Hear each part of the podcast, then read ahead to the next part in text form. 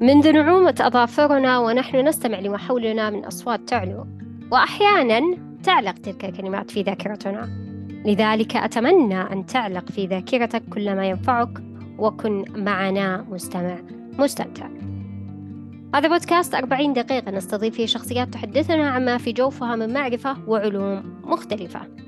واليوم نستضيف مدرب في الإلقاء والقيادة لذلك دعونا نتعرف معه عن موضوع التميز آه، في الإلقاء. أهلا أهلا أستاذ عماد. أهلا وسهلا فيك. حياك الله أستاذ أيمان وحيا الله المستمعين. أنا سعيد بتواجدي معكم وأتمنى أن أضيف وأفيد كل من يستمع. بإذن الله. طيب بداية في كل بودكاست إحنا حابين نتعرف على الشخصية المتواجدة معنا. لذلك عرف المستمعين عن نفسك أستاذ. أنا أخوكم عماد شيكاري من مكة المكرمة مشرف بجمعية واثق للتنمية الذاتية مدرب في الإلقاء والقيادة وكاتب في التربية والتطوير والنثر الأدبي لي مدونتي الخاصة في التليجرام وأصدر لي كتاب التميز في الإلقاء وهناك ثلاثة كتب أخرى تحت الطباعة بإذن الله. كنت سابقا عضوا في منظمة ال Toastmasters وحصلت على ال DTM ال Toastmaster المميز وهو أعلى مرتبة تعليمية في المنظمة. كنت قائدا لإدارة الأندية في مكة والطائف على مدى ثلاث سنوات. قدمت فيها أكثر من مئة ورشة تعليمية وأصدرت أكثر من مئة ملف تعليمي في الإلقاء. أسأل الله تعالى أن يبارك في هذه الجهود وأن يجعل لها البركة والتوفيق إن شاء الله. اللهم آمين. وبداية ألف مبروك إصدار الكتاب وكذلك نتمنى لك التوفيق في الإصدارات القادمة إن شاء الله بحول الله وقوته. الله يجعل هذه الكتب من ضمن الأشياء التي تخلد أثرك طبعا في حياتك وأكيد بعد عمر طويل بعد وفاتك يعني. آمين. آمين. الله يسلمك طيب بداية بما أننا حنا يعني نعتبر الإلقاء كأي مهارة يكتسبها الشخص آه، لكن عرفنا على هذا الفن لأن البعض يعتبره يعني مجرد شيء بديهي أو شيء نكتسبه عبر الزمن فهل مم. هذا هو فن الإلقاء ولا ما هو فن الإلقاء؟ عرفنا على هذا الفن جميل جدا. فن الإلقاء إذا يعني في فيها في تعاريف كثيرة ما- وكل وكلها صحيحة. مهم. ولكن في سياق الخاص أنا أعرف الإلقاء الإلقاء بأنه الواجهة الأساسية للتواصل مع الناس والوصول إليهم وللانطلاق وكسر حواجز التقدم في ذواتهم. يعني نقول مثلا خلينا أقسم أقول آه، الفن فن الإلقاء هو الواجهة الأساسية لثلاث أمور مهم. التواصل مع الناس الوصول للناس التواصل مع الناس هذا مشترك الوصول للناس هذا مشترك والأكثر ذاتي والانطلاقة وكسر جميع حواجز التقدم هذا ذاتي بحت لأن. الإلقاء له انعكاسه أيضا على الجوانب النفسية وعلى ذات الشخص في عموم حياته. هذا هذا تقريبا في سياقي آه الذي يعني أعرف آه، فيه بفن الإلقاء وإن كانت كل التعاريف التي تذكر في فن الإلقاء تصب يعني في هذا المعنى أو قريب منه. أكيد راح ناخذ تعريف من إنسان ما شاء الله تبارك الله آه، مبدع آه، ومتميز في فن الإلقاء مثلك. تواصل مع الناس الوصول للناس وكذلك الانطلاقة. طيب إذا هذه تعتبر هذه أهم شيء في فن الإلقاء أو هذا هو فن الإلقاء بشكل عام. طيب أكيد يعني إذا كان متواجد موضوع رئيسي لابد أن يتواجد أشياء فرعية له. فما هي. عناصر فن الإلقاء من وجهة نظرك يعني من خبرتك؟ جميل جدا. العناصر الأساسية لفن الإلقاء أنا في رأيي أنها أربع أربع عناصر. دائما دائما لما تذكر عناصر الإلقاء تذكر ثلاث أو اثنين. و... ولكن إذا يعني تعمقنا أكثر وجدنا أنها هي أربع ركائز أو أربع عناصر. أولا المحتوى. المحتوى وكل ما يتعلق بالمحتوى من تجهيز من تحضير من سياق من من قيمة إلى آخره النقطة الأولى أو العنصر الأول في الإلقاء المحتوى. العنصر الثاني نبرات الصوت أو مستوى الصوت. نبرات الصوت وإعطاء الصوت أهميته في الإلقاء ضروري جدا. لابد لابد أن نعلم أن من أساسيات الإلقاء ومن العناصر الأساسية للإلقاء هو الاهتمام بهذا العنصر عنصر الصوت. ولوحده يعني بحر في فيه دورات وفي وفي مستويات وفي توجيهات إلى آخره. العنصر الثالث لغة الجسد والتحرك أو منطقة التحرك. لغة الجسد أو الإيماءات نسميها لما نقول إيماءات الملامح وحركة اليدين لغة الجسد كذا في تناغم الجسد مع المحتوى وأيضا آه، منطقة التحرك عندما أكون أنا بألقي من مكان آه، مثل آه، ال stage أو نقول المنصة غير عن الإلقاء مثلا عبر الأونلاين وكذا برضه هذا هذا الإلقاء اللي على المنصة يحتاج يحتاج إلى توجيه كيف تتحرك لأنه في ممكن حركات تؤثر على الإلقاء أو تشتت. هذا هذا العنصر الثالث لغة الجسد الإيماءات التحرك على المنصة. العنصر الرابع هذا يمكن غالبا ما بيذكر.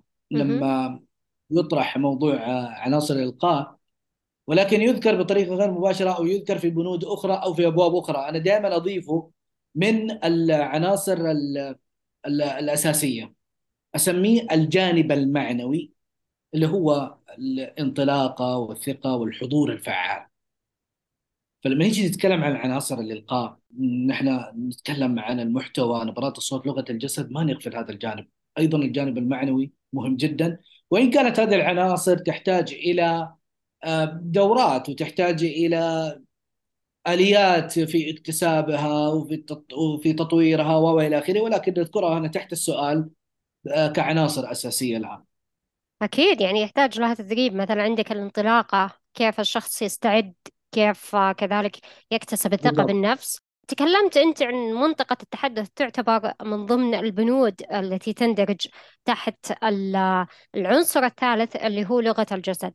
آه، بما أنك أستاذ آه، تحدثت في مسرح وكذلك آه، أعطيت دورات عن طريق الزوم تختلف منطقة التحدث منطقة الزوم أو بالأصح يعني عن طريق الأونلاين عن الوقوف في المسرح أو التحدث في المسرح.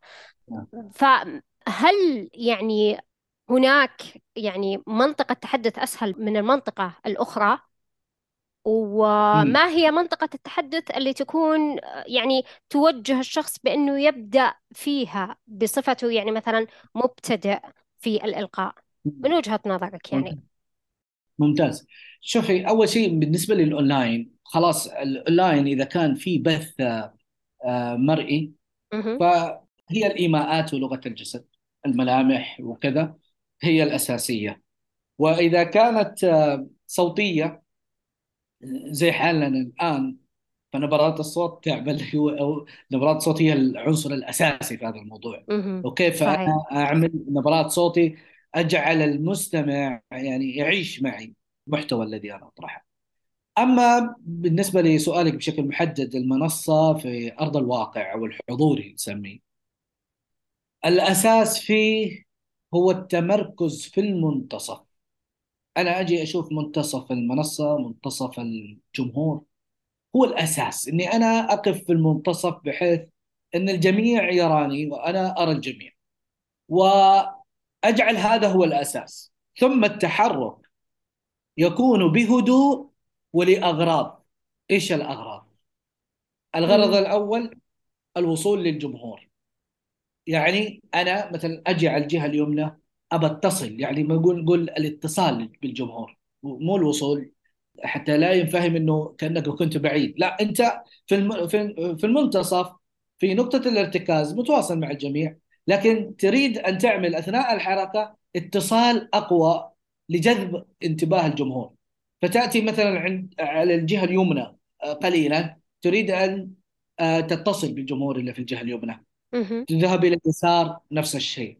تتقدم في المنتصف تريد أن تتقرب من ال- الفئة المتواجدة في المنتصف أكثر.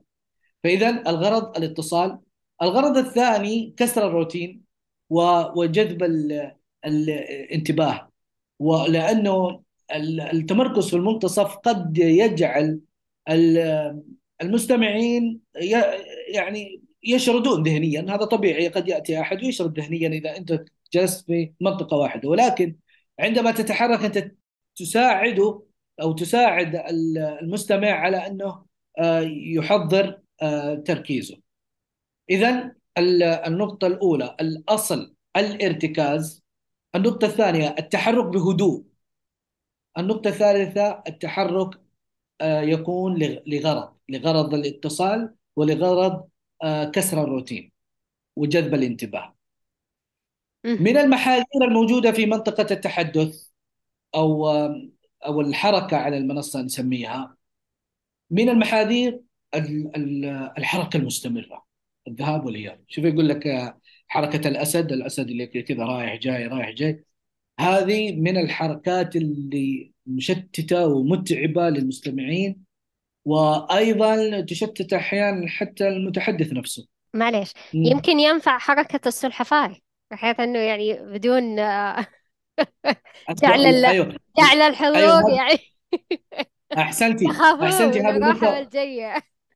أيوه هذه هذا هذا كنت بأذكره في التنبيه الآخر إنه طيب. كمان نحذر من البطء الشديد. يعني ما ينفع بعد؟ أوكي ما كمل. ينفع لا أيوه لا لا الحركة المستمرة السريعه ولا البطء الشديد كمان.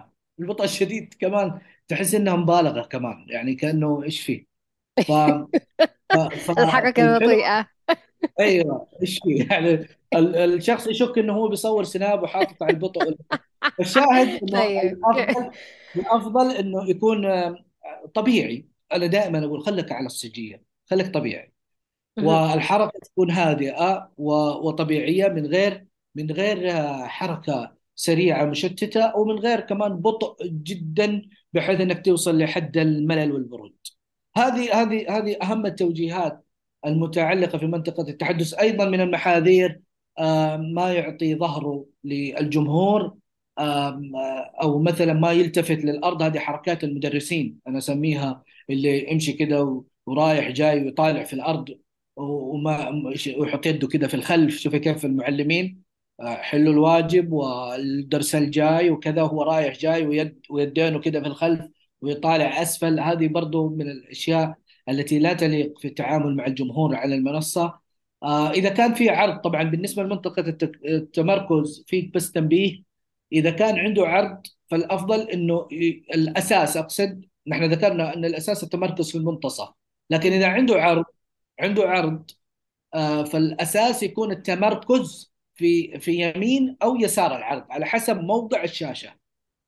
فيمين أو يسار العرض وأنه يكون أيضا بطريقة بحيث أنه ما يعطي ظهره بالكامل للجمهور ويلتفت أغلب الوقت للشاشة ولا كذلك يطالع في الجمهور ولا يدري عن الشاشة. ممكن في مشكلة في في ال- في العرض وكذا في الناس اللي ينبهوا أو ما عنده أو شاشة أمامه خاصة اللي ما عنده شاشة أمامه في بعض المنصات ممكن يوصلوا الشاشة الخلفية بشاشة أمامية بالجهاز يكون أمام المتحدث وهذا. أفضل إذا توفر أو إنه يعني يجمع بين الاثنين بحيث إنه ما يصرف آه، نظره عن الجمهور هذا فيما يتعلق بمنطقة التحدث. طيب آه، أنا سألتك من ضمن ال- السؤال الثاني إذا كان الشخص مبتدئ في الإلقاء. أيهما أفضل بالنسبة له؟ بحيث أنه يتعلم الإلقاء. هل عن طريق الأونلاين ولا أنه يخوض تجربة الوقوف في المسرح والأشياء الأخرى؟ لا أنا أفضل دائما عن المسرح في الحضوري. أونلاين مهما كان مهم. مهما كان ليس مثل الحضوري.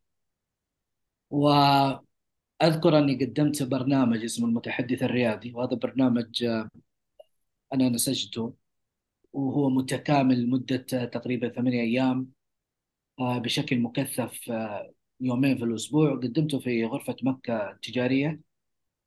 آه، لكن اضطريت إني أقدمه أونلاين بسبب إنه الوضع الفترة كانت فترة كورونا. ولكن حرصت على أشياء. اولا أن يكون ال- التقديم بتشغيل الكاميرا والوقوف بطريقة كأن الشخص أمام آه، جمهور.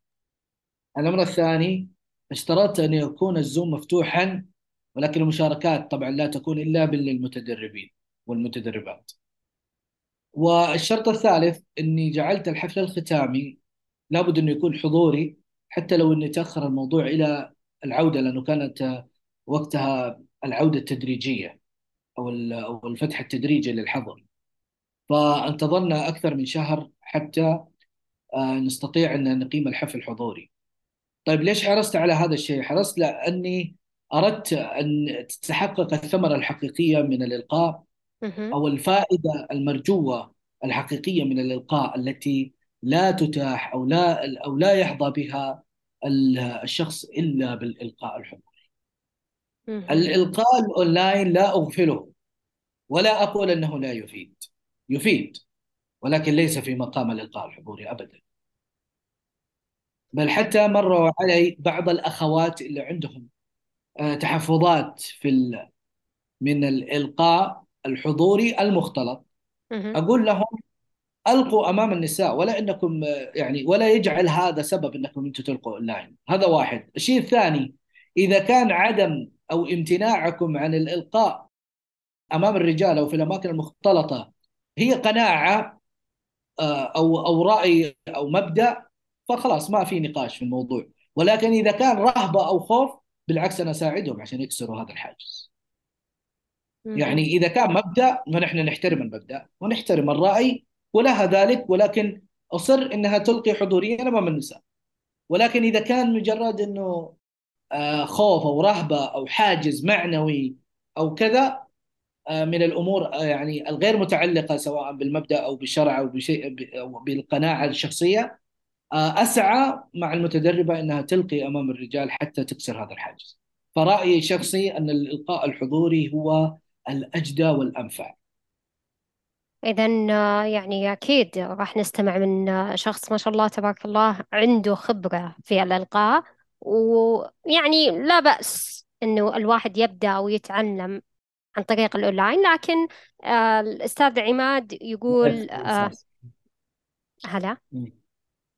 أقول نعم ولكن لا يغفل الأساس. يعني أكيد. أكيد لا يغفل الأساس أكيد. طيب آه، أستاذ ال- الحين الكل يمتلك القدرة على التحدث. كلنا نتفق على هذا الشيء. لكن مو الكل يمتلك القدرة على الإلقاء أمام الآخرين.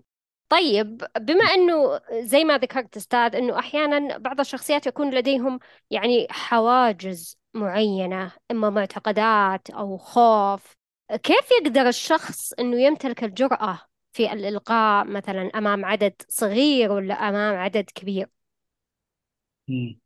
ممتاز جدا. هذا السؤال جميل جدا ودقيق. يعني أحسنتي هذا السؤال لأن السؤال يذكر جانبين. الجانب الأول أن الشخص يمتلك القدرة. يمتلك القدرة على الإلقاء أو عنده نقول مثلا عنده ممتلكات الإلقاء. ولكن الجزء المهم في السؤال أو الجزء الثاني في السؤال إنه لا يمتلك الجرأة على الإلقاء أمام الجمهور فالشخص الذي يمتلك القدرة وهذه أحيانا أستخدمها في تدريباتي أني أجد الشخص مثلا يجد نفسه أنه ما هو حق إلقاء أصلا من الأساس يعني أنه أنا مالي في الجو ذا. لكن لما أجي أطالع أنا أو أحلل شخصيته أجد أنه يمتلك يمتلك مقومات الإلقاء.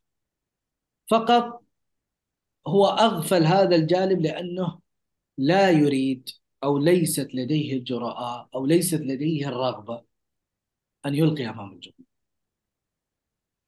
طيب إيش العائق؟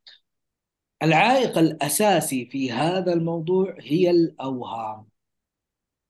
أو هو الأوهام العائق الأساسي الأوهام أو الوهم.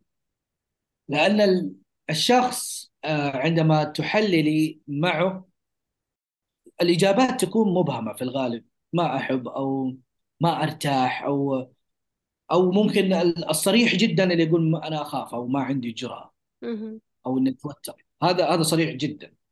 يعني في الأقوى اللي يقول أنا ما أحب. هو هو الصحيح إنه مو ما يحب إنما ما يمتلك الجرأة زي ما ذكرت في السؤال.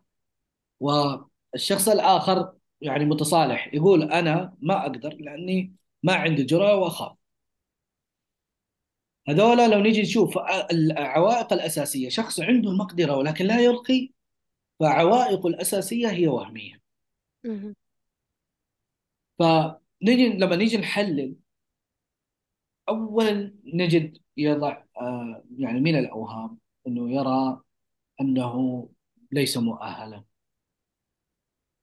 أو أنه مثلا يظهر يعني يتوهم أنه يظهر بالشكل الذي لا يليق أو أنه مثلا يحس أنه ما هو كفو أو ما هو بذاك الشخص الكفو في تحضير محتوى يقدم. يعني حتى لو تجاوزنا سالفة أنه هو جيد في الإلقاء. مهم. يأتي أيضا في يقف في نقطة المحتوى. أو على الأقل ي- يتجاوز هذا كله. ممكن يقول أنا أقدر أواجه أقدر أجهز محتوى أقدر كذا لكن الشيء اللي ممكن يعيقني إني أتوقع إني أنا أقع في الخطأ أو في الخلل. ولو فككنا هذه الأوهام لوجدنا أنها ليس لها اعتبار في الواقع. فأنا أرى أن الذي يمتلك المقدرة ولكن لا يمتلك الجرأة على الإلقاء فعوائق وهمية لأنه أصلا من السياق أنه يمتلك المقدرة يمتلك المقدرة إيش اللي إيش اللي يمنعك؟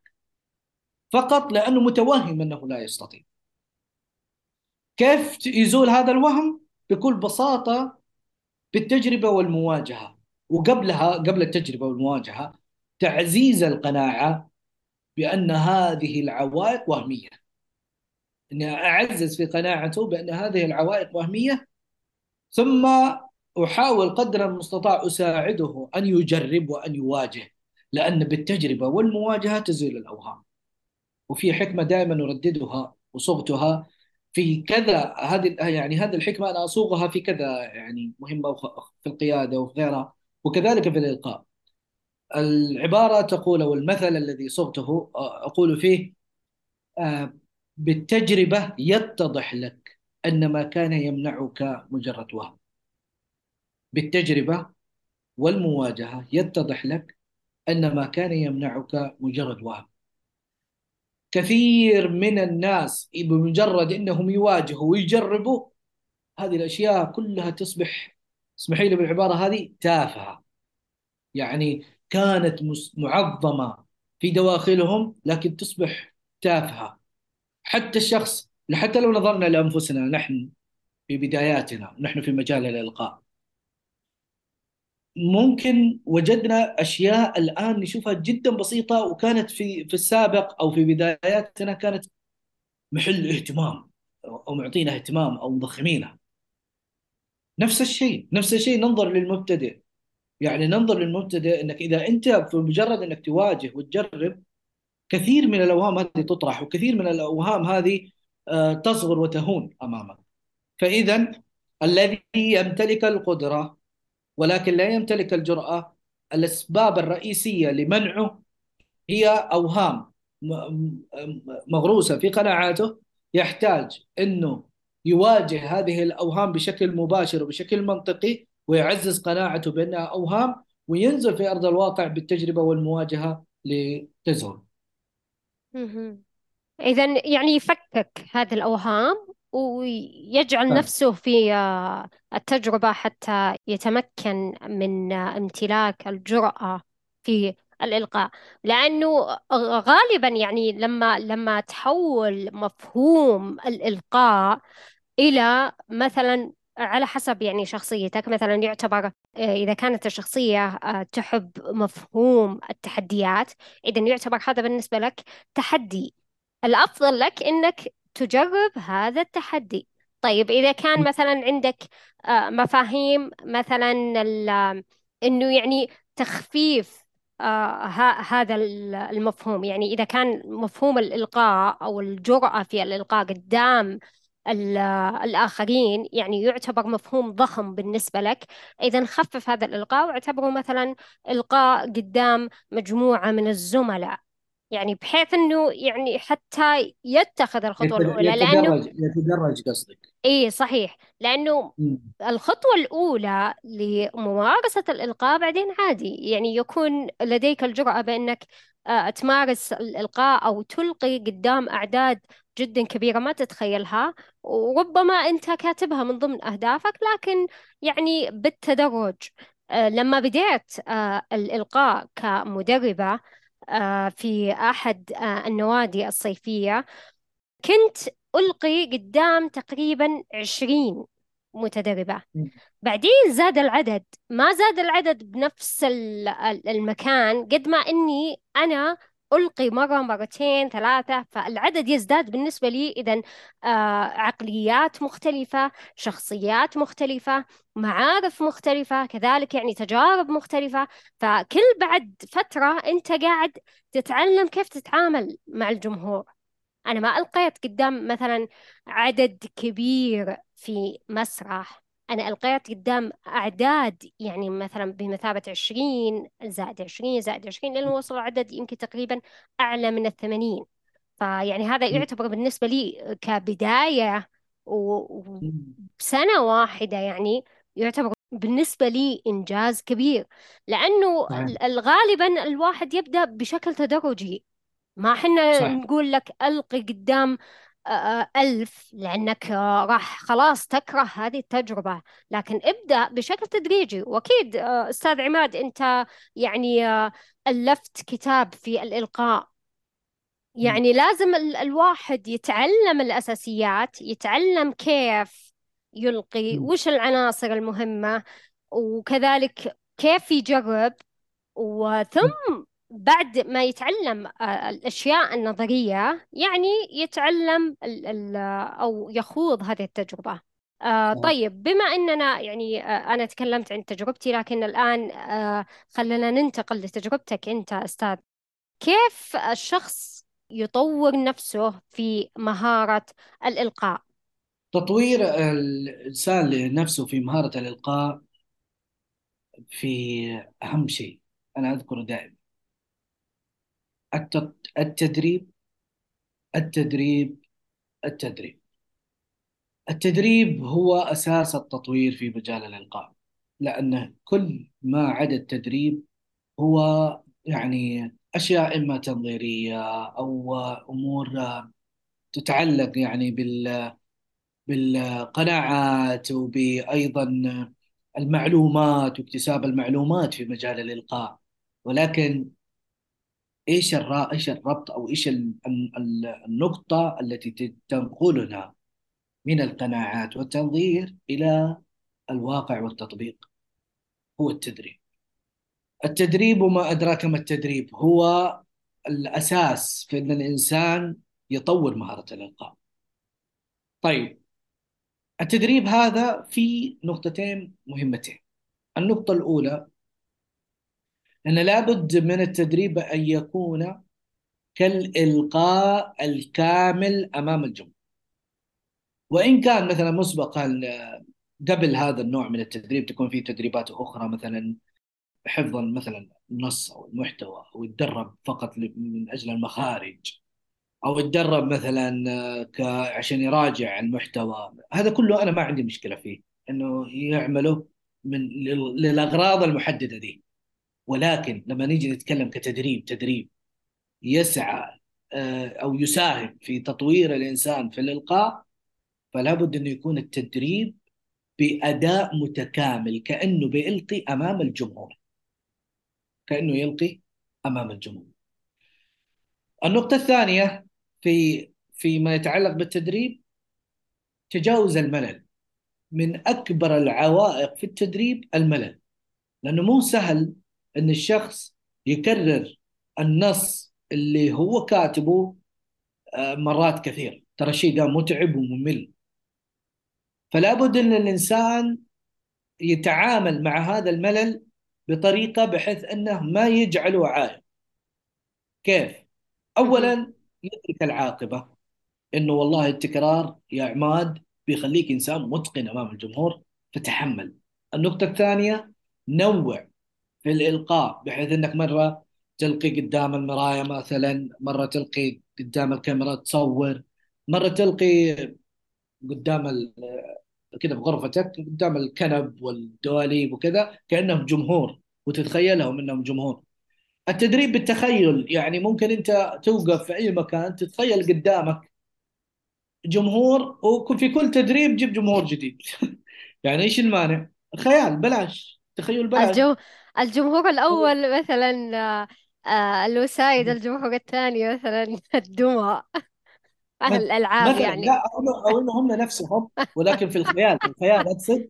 آه في الخيال معليش في الخيال يتخيل. يعني يتخيل إنه مثلا هو الآن يلقي قدام آه متدربين مهم. ومتدربات لا المرة دي يلقي يفكر إنه هو يلقي قدام مسؤولين ووزراء. المرة دي مثلا يفكر إنه هو يلقي في ستيج كبير آه، منطقة جماهيرية أو إنه. مثلا يلقي قدام آه، إيش اسمه الملك أو كذا. يعني حلو إنه يعني الطموح يا أخي ما له حد. إنسان يطمح ويتخيل إنه بيلقي قدام الجميع ويتخيل ملامحهم وهم معجبين بإلقائه. التدرب هذا بالإلقاء التخيلي ذا ترى مو سهل. والله مو سهل. إني بعضهم لما كلمتهم وعملوا ووجدوا فارق في أدائهم في في قصة أذكرها إنه أتوا بثلاث آه، لاعبي كرة سلة. ف يعني أقفلوا عليهم في محميات. فالفريق الأول أعطوهم كرة سلة عشان يتدربوا.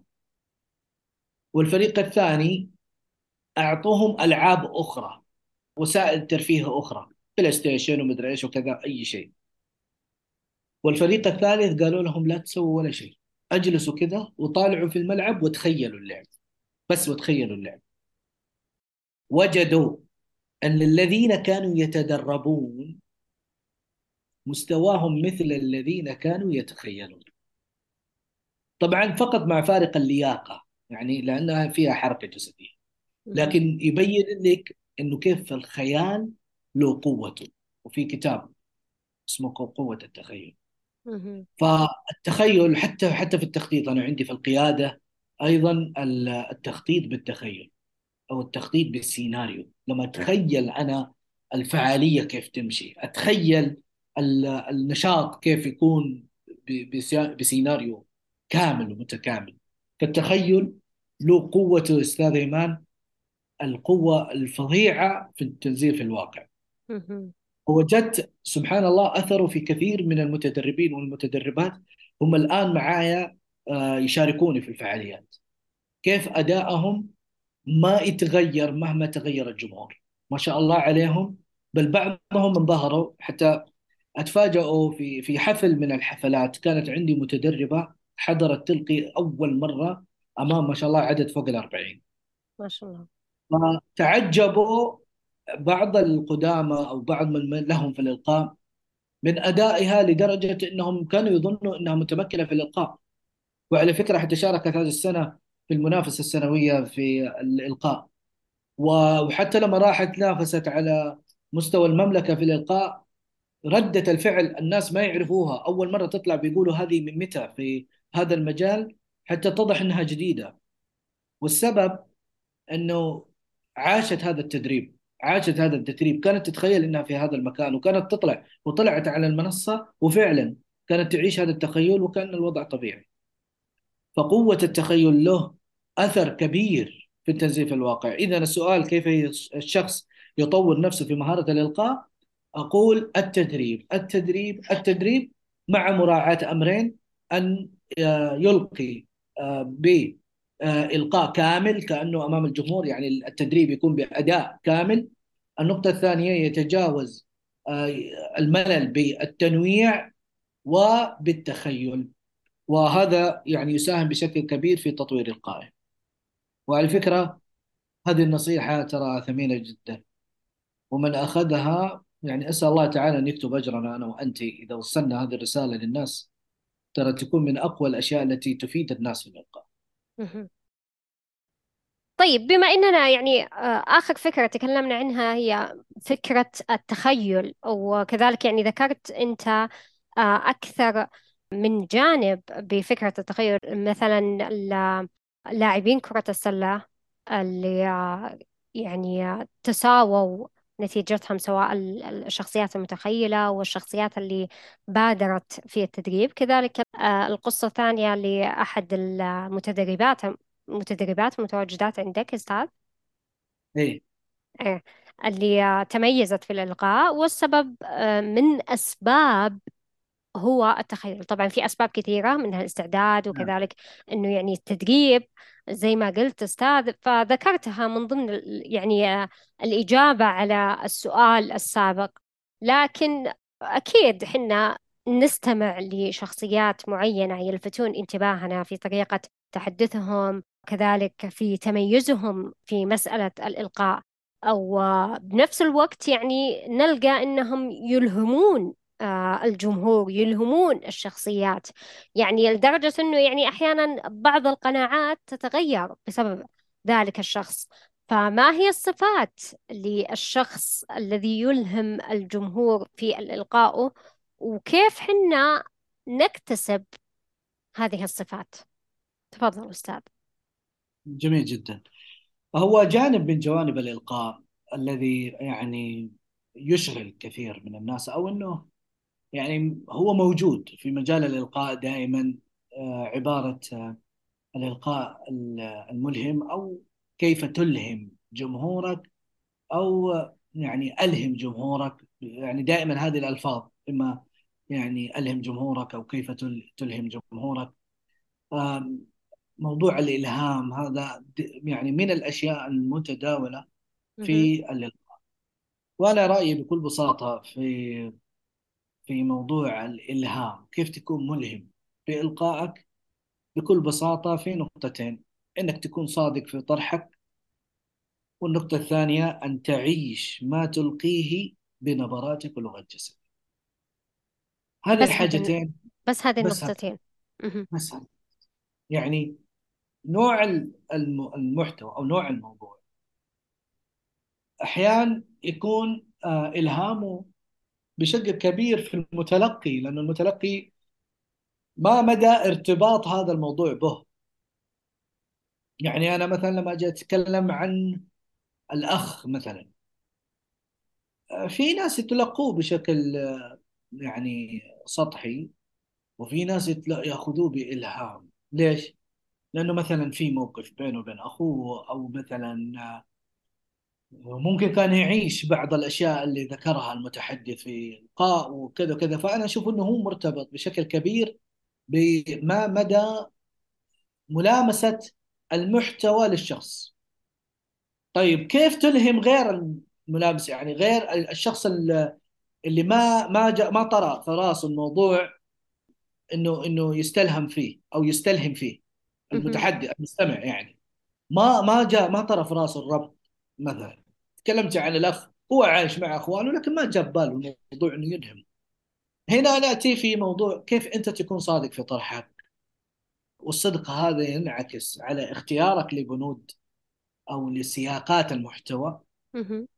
وأيضا لغة الجسد ونبرة الصوت. وقل لهم في أنفسهم قولا بليغا.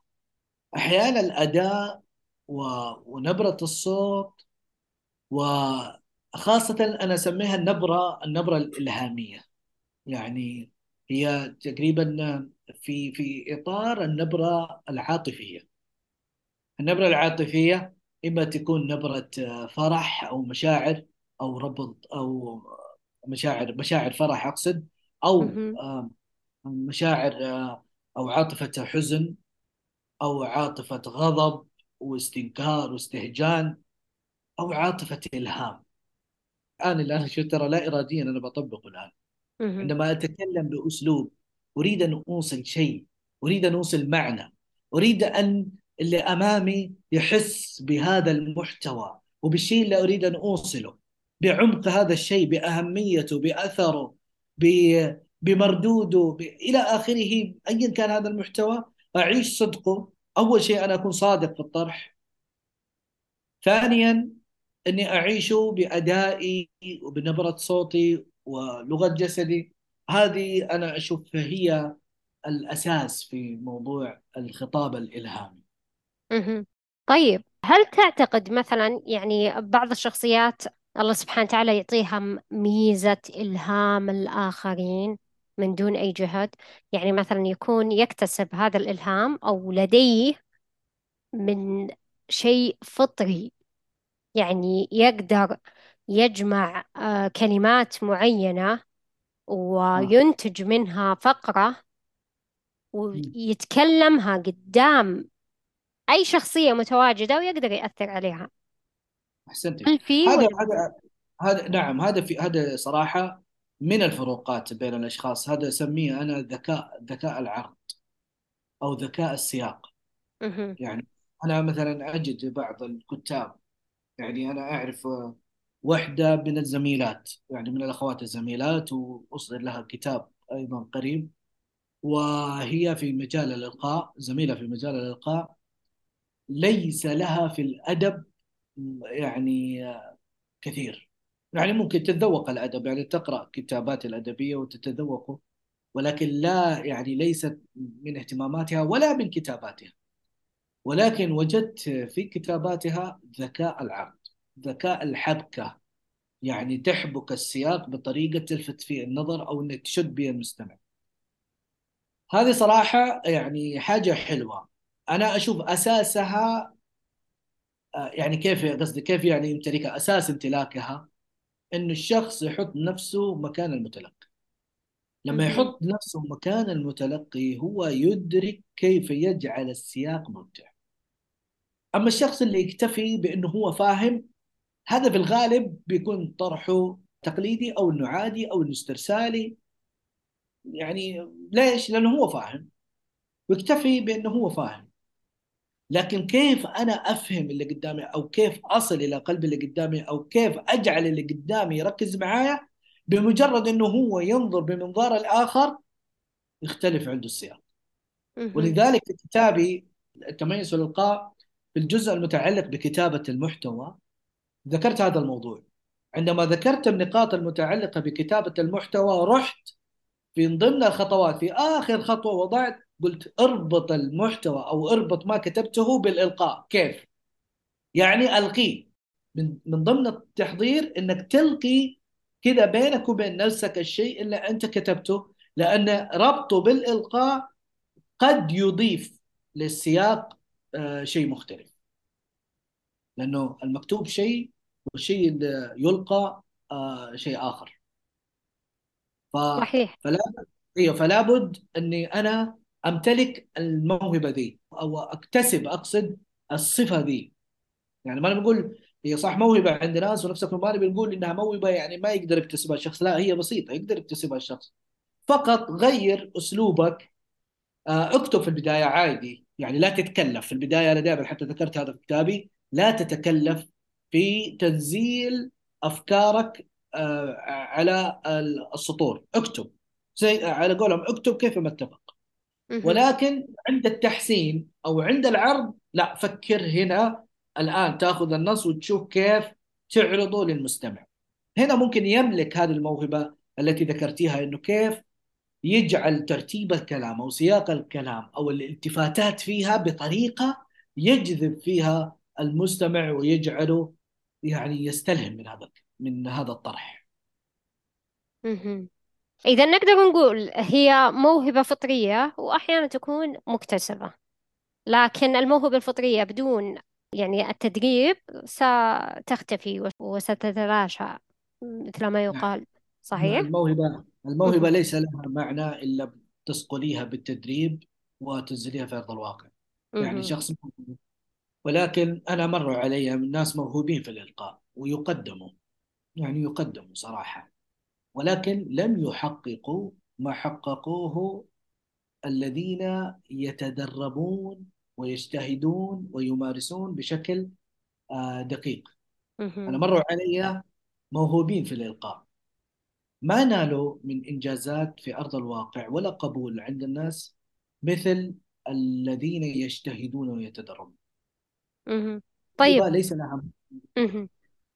إذا يعني ال- ال- الشخصيات اللي يكون عندهم الموهبة الفطرية هل تعتقد إن إن يعني مثلا عدم بروزهم إنه يصيبهم مثلا آه الغرور بشكل داخلي إني أنا خلاص اكتسبت هذه المهارة إذا أنا أقدر ألقي وخلاص هو من الأسباب ولكن لا يشترط أنه هو السبب الرئيسي أو السبب مهم. الوحيد.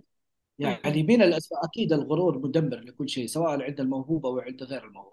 ولكن هل هو المدمر الوحيد؟ لا الموهوب آه، مدمر الأساسي هو التشتت أوه مدمر الأساسي هو التشتت وأيضا الاكتفاء أو الشعور بالاكتفاء الموهوب عندما يشعر أنه هو خلاص مكتفي وأيضا لأنه موهوب الموهوبين دائما والمتميزين عرضة للتشتت آه، يفكروا في ألف شيء وينقزوا من من من شيء لشيء وكذا. ولذلك تجديهم حتى في التواصل آه، ضعيفي التواصل وغير دقيقين في التواصل. أنا عندي يعني موهوبين سواء في الإلقاء أو في القيادة. سبحان الله رغم يعني قوة العلاقة بيني وبينهم والزمالة أو الصداقة سواء من الشباب أو من البنات. لكن سبحان الله ما أثق فيهم في الأعمال يعني ما أعطيهم الأولوية في الأعمال رغم موهبتهم. لس- السبب السبب هو ضعف تواصلهم وتشتت. مهم. أعول على الأشخاص المجتهدين حتى لو كانوا أقل منهم يعني موهبة إلا أنه يرفعهم الاجتهاد والحرص والتواصل الفعال. مهم. فأكبر عائق أمام الموهوبين هو التشتت والاكتفاء أو الشعور بالاكتفاء. طيب بما أنك يعني تكلمت بهذا الموضوع أكيد أنك يعني تعرف حلول لمسألة التشتت. مثلا يعني في شخصية سمعنا ويعاني من هذا الشيء عنده الموهبة عنده التشتت كيف يتعامل مع التشتت؟ كيف أولا لا. يتخلص؟ طيب أيوه. تفضل. أولا أولا لا لا يعني يندفع وراء عاطفته. مهم. ال- المتشتت من أسباب تشتته أنه عاطفي فكل شيء يحمسه يمشي وراه.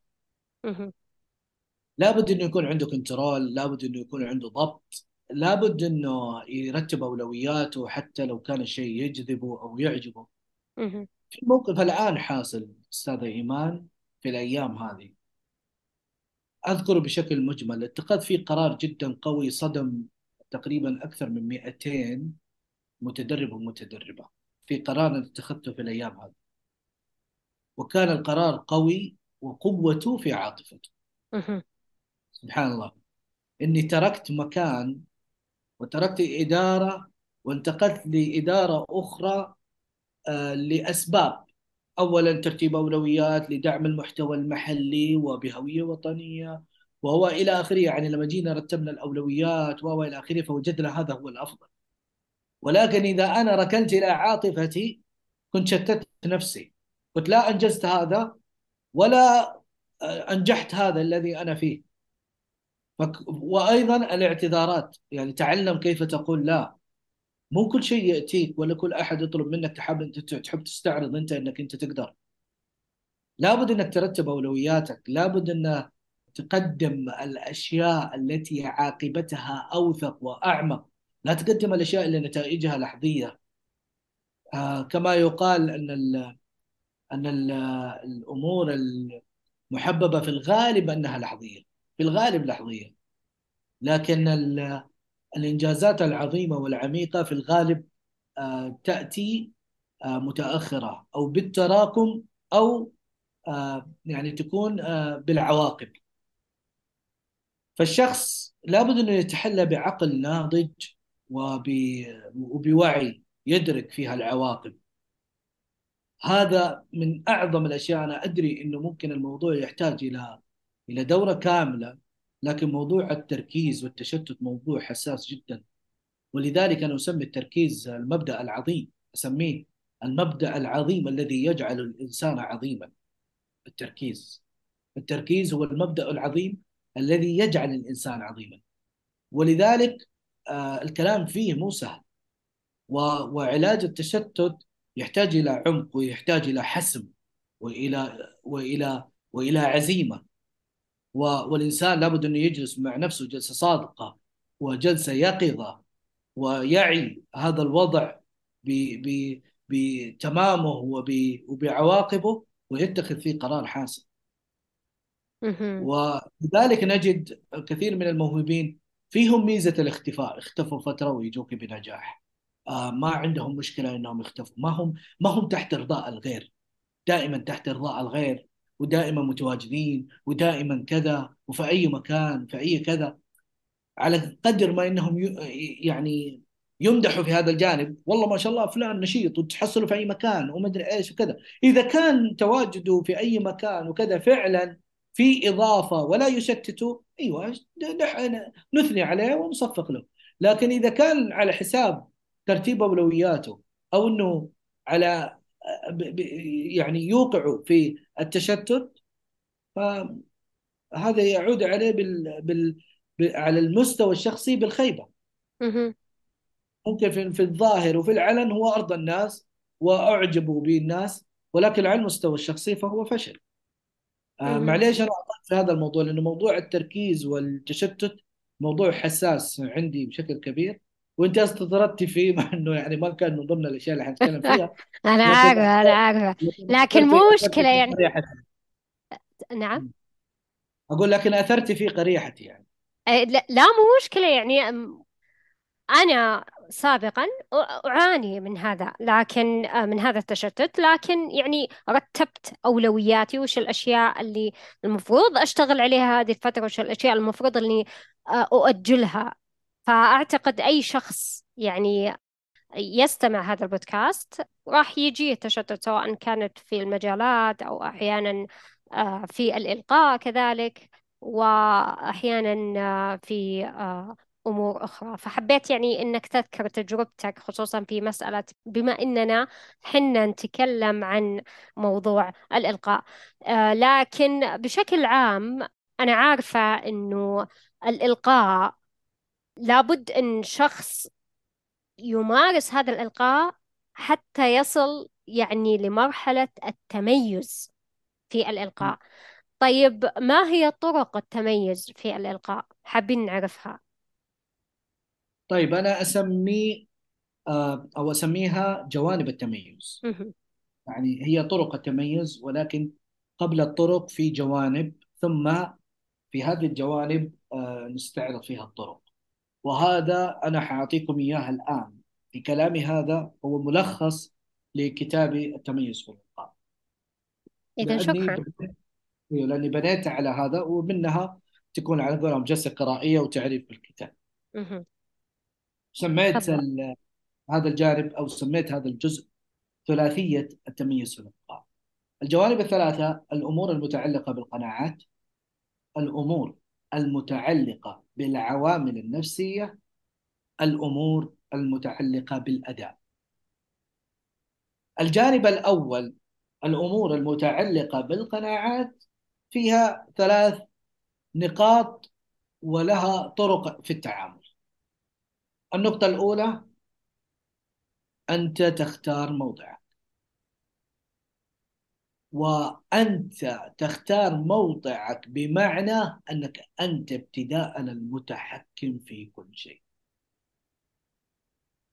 هذه نقطة جدا مهمة ومن أراد الإسهاب يرجع للكتاب. أنت تختار موضوع النقطة الثانية في الأمور المتعلقة بالقناعات المقارنة وتميز الغير كيف تتعامل مع هذه القناعة كيف تتعامل مع هذه القناعة لأنه أيضا هذه من الأمور التي لا تعالج إلا بالقناعات موضوع أنه يأتي شخص متميز ثم أنت تتوتر أمامه ليش؟ ليش؟ في متميز إيش دخل تميزه في تميزك أنت؟ وما دخله هو في ساحتك أنت في ساحتك أنت ساحتك الخاصة. هو له تميزه أنت بذلك وضعت نفسك في موضع المقارنة. وأيضا إذا أردت أيضا المقارنة المباشرة يأتي شخص كمان يضع نفسه بشكل مباشر أمام الآخرين. والله هو شوف كيف أنا كيف. إيش دخل ذا في ذا؟ أنت شخص وهو شخص. هذه أيضا لا تعالج إلا بالقناعه النقطة الثالثة المتعلقة بالقناعات طيب أستاذ معليش. آه النقطة الثانية إذا الشخص يشوف شخص آخر منافس له كيف بإمكانه أنه يفكك هذه القناعة قبل لا تنتقل للنقطة الثالثة؟ الموضوع المنافسة. آه، موضوع آخر وهذا برضو ذكرته في كتابي. يعني أنا لأني ما أريد أن أطيل ولكن أعطي اللمحات ومختصرات في في هذه النقاط. المقارنة وتميز الغير التعامل معه إذا وصل إلى حد إضراري ما أتكلم بنظرة المنافسة. وأيضا نظرة في جزء المنافسة أحسنت أنك أنت أثرتي هذا الموضوع. المنافسة عند بعض الناس أنا أرى لا بأس بها لأنها من المحفزات لديهم لكن أنا رأيي الشخصي وهذا ذكرته في الكتاب أني ما أرى أن أضع أي شخص في هذا الموضع ما عليه من العبارة دي من التشريف. لأنه أنا شخصيا أنافس يعني أج- أجعل نفسي أنا موضع ال- ال- التغيير بناء على ما كنت عليه سابقا. أما أني أضع شخص آخر هو منافس لي وأجعل وأنظر ما مدى تقدمي وتأخري عنه. أنا في رأيي الشخصي وإن كان هذا محمود عند بعض الناس لأنه جزء من المنافسة يعني موجودة حتى في الشرع ما ما في مهم. إشكال. ولكن أنا أرى أنه ال- الأسمى من هذا أنه الشخص ينافس على مستوى تقدمه من زمن لزمن.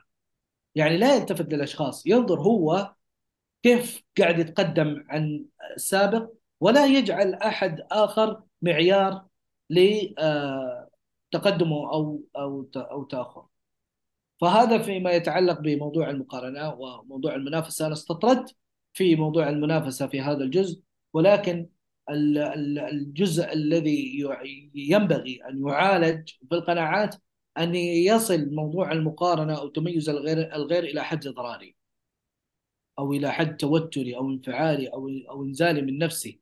بمجرد إني أنا أنزل نفسي بسبب الآخر وأنا وضعت نفسي في موضع المقارنة. واصلا هذا هذا الأمر لا يعالج إلا بالقناعة لأنه في في الواقع أصلا مرفوض. ما أصلا مرفوض. فهذه هذه النقطة الثانية. النقطة الثالثة في موضوع الأمور المتعلقة بالقناعات المخاوف الوهمية. إنه ما يكون كفو أو بعضهم ممكن سبحان الله من ملامح الناس. أنا أجدك بالله انت واقفه انت جالسه قدامي وملامحك كذا انبأت لي إنك أنت متضايقة مني. فأنا أتوتر. السؤال إيش دخل ملامحك في أدائي؟ مش لا يشترط إنه ملامحك هي السبب أو قصدي إنه إنه أدائي هو السبب في ملامحك. ممكن أنت سبحان الله أصلا خلقة جاية من البيت متضايقة صح ولا لا؟ صحيح. أو نفس أو نفس الوقت أنت سرحتي في موضوع وأحزنك أو. ممكن تكوني جعان أو أي حاجة صح ولا لا؟ أو حرانه أو انت أو جالسة في مكان التهوية كانت فيها سيئة. فكثير من الأشياء ملامح الناس ما لها دخل بأدائي ولا ينبغي لي إني أحكم أنا بملامح الناس. هذا أيضا ذكرته في كتابي. فاذا في مخاوف وهميه أيضا من المخاوف المهمية ال- خوف الوقوع في الخطأ. طيب ه- برضو هذا موضوع آه، لا يعالج إلا بالقناعات لأنه الامتناع عن الخطأ تماما آه، مرفوض والمثالية مرفوضة.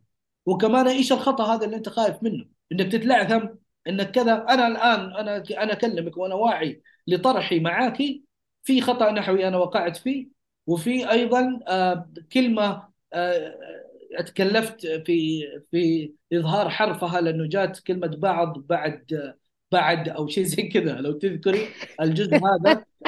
مو جاء مشكلة. إذا أيوه كان في ف- خطأ أنا أشيله يعني ما عليك. جاء يا ريت. تخليه يا ريت ليه؟ تخليه جد؟ لأن نوصل نوصل درس للناس. طيب شوفي okay. هذه من الأشياء اللي أنا أسويها. أحيانا أتعمد إني أحيانا يكون في تلعثم خطأ أو شيء زي. كذا وأجي أعلق عليه في نفس اللقاء عشان نوصل رسالة للناس. ما في مثالية في الموضوع. okay. الموضوع طبيعي نخطا أيوه طبيعي إنه نخطأ. في مرة حصل موقف سبحان الله عندي متدربين ومتدربات عددهم 20 شخص. تخرجوا من عندي في أحد التدريبات المكثفة وحضروا في أحد الافتتاحات لأحد ال- الفعاليات. وكان أول حضور لهم يشوفوني أنا ألقي هم يشوفوني أنا ألقي شافوا لي إلقاءات كلها رسمية أو إنها ممنتجة أو كذا ما شافوني على طبيعتي. وشافوا في الحفل الختامي بعد التدريب يعني شافوا إلقائي. ولكن آه عماد بطبيعته يلقي وممكن يخطأ وممكن كذا أول مرة تصير معاه. اللي هو في هذا ال... في هذه الفعالية اللي بنفتتحها. فاللي حصل سبحان الله يا أستاذ إيمان آه أنا العادة أقرمط هيل. أحب أقرمط الهيل لأني أحب رائحة الهيل. آه. على سبحان بالي الله. يعني يعني يزين الإلقاء. قلت لا لا ماخذة هذه. لا لا لا ما ما هي ما بسويها فيها ما فيها شيء يتعلق بالإلقاء. المهم. طيب أوكي كمل. تفضل. فسبحان الله كانت في بقايا في فمي ما انتبهت لها مع مع الدوشة مع الانشغال وكذا مهم. وكذا ما انتبهت لها. فلما جاء جاء دوري في الإلقاء وكانت وكانت وكانت عندي كلمة وكلمة مفترض إنها رنانة وفيها أبيات شعر وحركات والكلام ده. وسبحان الله يعني دوب في مبدأ هذا أو في ثلث وت- وتجيني ذيك الشرقة. أوه. في فتاة الهيل دخل في منطقة التنفس كذا بطريقة في أثناء الإلقاء. والله يا أستاذة إيمان لا تشوف الحال اللي كنت عليه. شاركت شرقة لدرجة إني أخذت قرابة يعني لو تيجي تشوف التصوير حتى زعلت إنه الشخص حذف المقاطع. قلت يا ريتك ما حذفت يعني اللي كان يصور. قلت يا ريتك ما حذفت كنت ابى أنزله كمثال. أنا ما أتحرك من الأشياء دي أنا مدرب أبغى الناس تستفيد. فتخيل شاركت شرقة يمكن أخذ الموضوع فوق خمسة دقائق أنا أحاول أتجاوز الشرقة لدرجة قاموا الناس اللي يجيب لي موية اللي يجيب لي قهوة عيوني دمعت اللي أعطوني منديل. من قوة الشرقة عيوني دمعت. لفيت حتى وجهي على للخلف كذا وقاعد أشرب وصرت أنا يعني بعدت على أساس إني أبعد عن المايك وصرت بالعنية أكح وأطلع الهواء عشان أبغى أطلع المك... ال- ال- الفتات اللي دخل المكان هذا عشان الشرقة تنتهي لكن الموضوع زاد. تخيلي والناس بتتفرج. وفي مكان عام في مقهى كمان. في مقهى مفتوح كبير وحضور مفتوح وهذا الشيء حصل. تقول واحدة من المتدربات كانت موجودة وكانت في هذه اللحظة هي تبي تختبر إيش؟ ردة فعلي. الشاهد تلموا بعض الزملاء اللي جاب لي قهوة ساخنة على أساس إنه آه، يقول القهوة الساخنة ممكن تسلك والثاني يجيب لي موية وواحدة جابت لي منديل على إنه شافت خلاص أنا مرة دموعي مع قوة الشرق يعني فبعد ما جهزت كل حاجة وأخذت نفسي كل شيء رجعت للمايك والناس بتتفرج. وحتى حتى سمعت بعض الكلام أذكر الله مدري إيه والكلام ده مع اني أنا مو من النوع اللي أوسوس في الأمور دي. ماني الحمد لله ماني من النوع اللي يخاف من العين ومدري إيه لأنه الحمد لله شرع الله عز وجل فيه واضح وكذا. أما الوهم فيه والمبالغة فيه أنا ضده يعني. الشاهد رجعت للمايك ردة فعلي كنت أضحك ومبتسم وقلت أول كلمتين. أو أنا شايف دحين ملامح الناس. مشدودة وكذا وناس بترقبوا إيش ممكن يصير يعني. فرجعت بالابتسامة ذيك والضحكة هذيك وقلت شرقة غريبة في وقت غريب والناس ضحكت. إذا يعني حولت أنا الموضوع لشيء آه يعني كا- كأنه مو موقف طبيعي. عادي شيء طبيعي. الحمد لله على سلامتك. طيب آه بداية. آه لكن يعني حلو إنك يعني تعاملت مع ال ال هذا الموقف خصوصا الموقف الفجائي بشكل يعني آه جدا جميل. لأني أنا قاعدة أستمع وشلون ترجع مرة ثانية. أمم. فشيء جدا جميل صراحة. أيوه فرجعت ولا بكل بكل عفويه ضحكت كذا ضحكت كذا وقلت شرقة غريبة وفي وقت غريب. والناس ضحكوا. فقلت معليش حرجعكم للمود يعني حتى كمان خرجت من اللغة الفصيحة. أنا يعني كنت بألقي بلغة بلاغية وشعر وشيء شيء مستواه اللغوي عالي. فرجعت أنا أتكلم مع عمي يعني عادي. قلت شرقه غريبه في وقت غريب. وقلت ما عليكم أردكم للمود وقاعد أضحك وضحكوا الناس. ورجعت مرة ثانية وألقي مرة ثانية ولا كأنه صار شيء. طبيعي إنه نقع في الخطأ. طبيعي إنه يحصل الخلل. رده فعلنا هي المعتبرة في هذا الموضوع. إذا إذا أردت التميز في في الإلقاء عليك أولا بالقناعات. هذه النقاط الثلاثة. أنت تختار موضعك. كيف تتعامل مع تميز الغير وألا تقع في شراك المقارنة؟ النقطة الثالثة المخاوف المهمية أن تطرحها ولا تلتفت إليها وردة فعلك معها. تمام؟ الجانب الثاني الأمور المتعلقة بالعوامل النفسية. العوامل النفسي الأساسي في الموضوع هو التوتر الذي آه، تتعامل فيه مع العوارض. حلو؟ ففي أمور طبيعية جدا. يعني بعيدا نحن تكلمنا عن العوارض الطبيعية في التعامل معها من زاوية القناعات. طيب هنا العامل النفسي الجانب هذا كيف تتعامل معه؟ المرونة الطبيعية أو التعامل أول شيء. أول شيء نظرتك إلى أن التوتر الطبيعي أنه هذا شيء طبيعي. في لا لابد أن نعي أنه في نسبة من التوتر الطبيعي. أي إنسان لما أول مرة يسوق سيارة طبيعي أنه يكون تركيزه عالي و... وينتبه لكل حاجة وكذا وكذا إلين يصل به الحال. يمسك الخط من مدينة لمدينة وهو ما هو مركز. فالبدايات توتر البدايات في التعامل مع أي بداية لابد أنك أنت تفهم يعني أنه هذا شيء طبيعي وتتعامل معه وتتقبله بشكل طبيعي. التحديات العارضة أيضا تتعامل معها بشكل طبيعي ما ما تصل إلى العامل اللي يؤثر لك آه، تعامل نفسي. طب ليش فرقت يا عماد بين التعامل النفسي وبين القناعات؟ لأن القناعات هو الأساس المح... الأساس المحرك للسلوك. القناعات هي الأساس المحرك للسلوك. ثم التعامل النفسي مع هذه العوارض لأنه له أثر في الواقع لأنه ينعكس إذا ظهر في ملامحك إنك متوتر وكذا وكذا بيأثر على أدائك. فلا يقف الموضوع إلى حد القناعة. لابد أنه يصل الموضوع إلى حد التعامل معه نفسيا أن يكون طبيعي. الأمر الثالث في التعامل مع العامل النفسي أو العوامل النفسية التعلق والمبالغة. لابد أنك تتجاوز هذه هذه المشكلة أو نسميه هذا العامل المضر بسلوك الملقي بشكل فظيع. وهذه من الأشياء اللي أنا تأملتها وأجد يمكن أنا شخصيا فيما بدا لي من الكتب التي قرأتها ومن الأطروحات التي أراها في الإلقاء أنا الوحيد اللي أتكلم عنها. ما وجدت يعني صراحة أحد يتكلم عنها وإن ذكرت كذا عرضا لكن إنهم يسهبوا فيها. التعلق والمبالغة في إرضاء الناس أو في الإظهار ب- بمثالية بحيث أني أنا أب... على قولهم أبالغ أو أتعلق بإني أعجب الناس. أو أتعلق بالناس لدرجة إني أبالغ في في في إعجابهم أو في إرضائهم. أنا قاعد أقربع بالكلام ولكن ملخصه إني لا أبالغ يعني لا أتعلق بالناس ولا أبالغ في إرضائهم بأدائي. مهم. يعني لما أنا أطلع على المنصة وأحرص إني أب... إني إني أرضي الناس ل... ب... بطريقة مبالغ فيها ترى يأثر. في أدائي ويوصلني لمواطن مذمومة جدا. هذا الشيء أنا وجدته في واقع كثير من الناس. لدرجة والله يا إيمان تجد البعض يبالغ في لغة الجسد مثلا أو في نبرة الصوت وهو في الأساس أصلا في ضعف ثقة. سبحان الله يتوهم من تصرفه إنه إنسان واثق. هو يبالغ.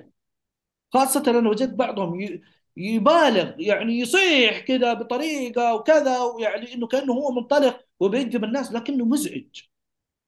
أو البعض ممكن يصل إلى مرحلة يسترجي تفاعل الناس. إيش بكم كذا مكتمين؟ أضحكوا. طيب ابتسموا يلا. وبعضهم يوصلوا قوموا قوموا أوقفوا يوقف الناس. يعني ما هو ما ما يليق أحيانا ما يليق. يعني وجدت يعني بعضهم آه، في أحد اللقاءات في شخص كان دائما يستخدمه. يلا كذا يعني حتى سواها بطريقة كأنه أستاذ مع إنه اللي قدامه أساتذة كبار. إيش بكم كذا باردين؟ لا لا لا لا. يلا يلا قوموا قوموا قوموا أوقف. ما عجبني الموضوع. مرة ما كان يليق. هو إيش قصده؟ إنه يباهم يتفاعلوا. طيب أنت شوف عمرك في السن وشوف اللي قدامك في ناس شيبتهم على لحام. فالمبالغة في إنك ترضي الناس والمبالغة في إنك تعجبهم غلط. وهذا يأثر عليك نفسيا. فهذه أنا أشوف اهم النقاط إنك أول شيء تنظر إلى التوتر على إنه طبيعي. التحديات العارضة تتعامل على إنها أمور طبيعية. النقطة الثالثة لا تتعلق بالناس ولا تبالغ في إرضائهم.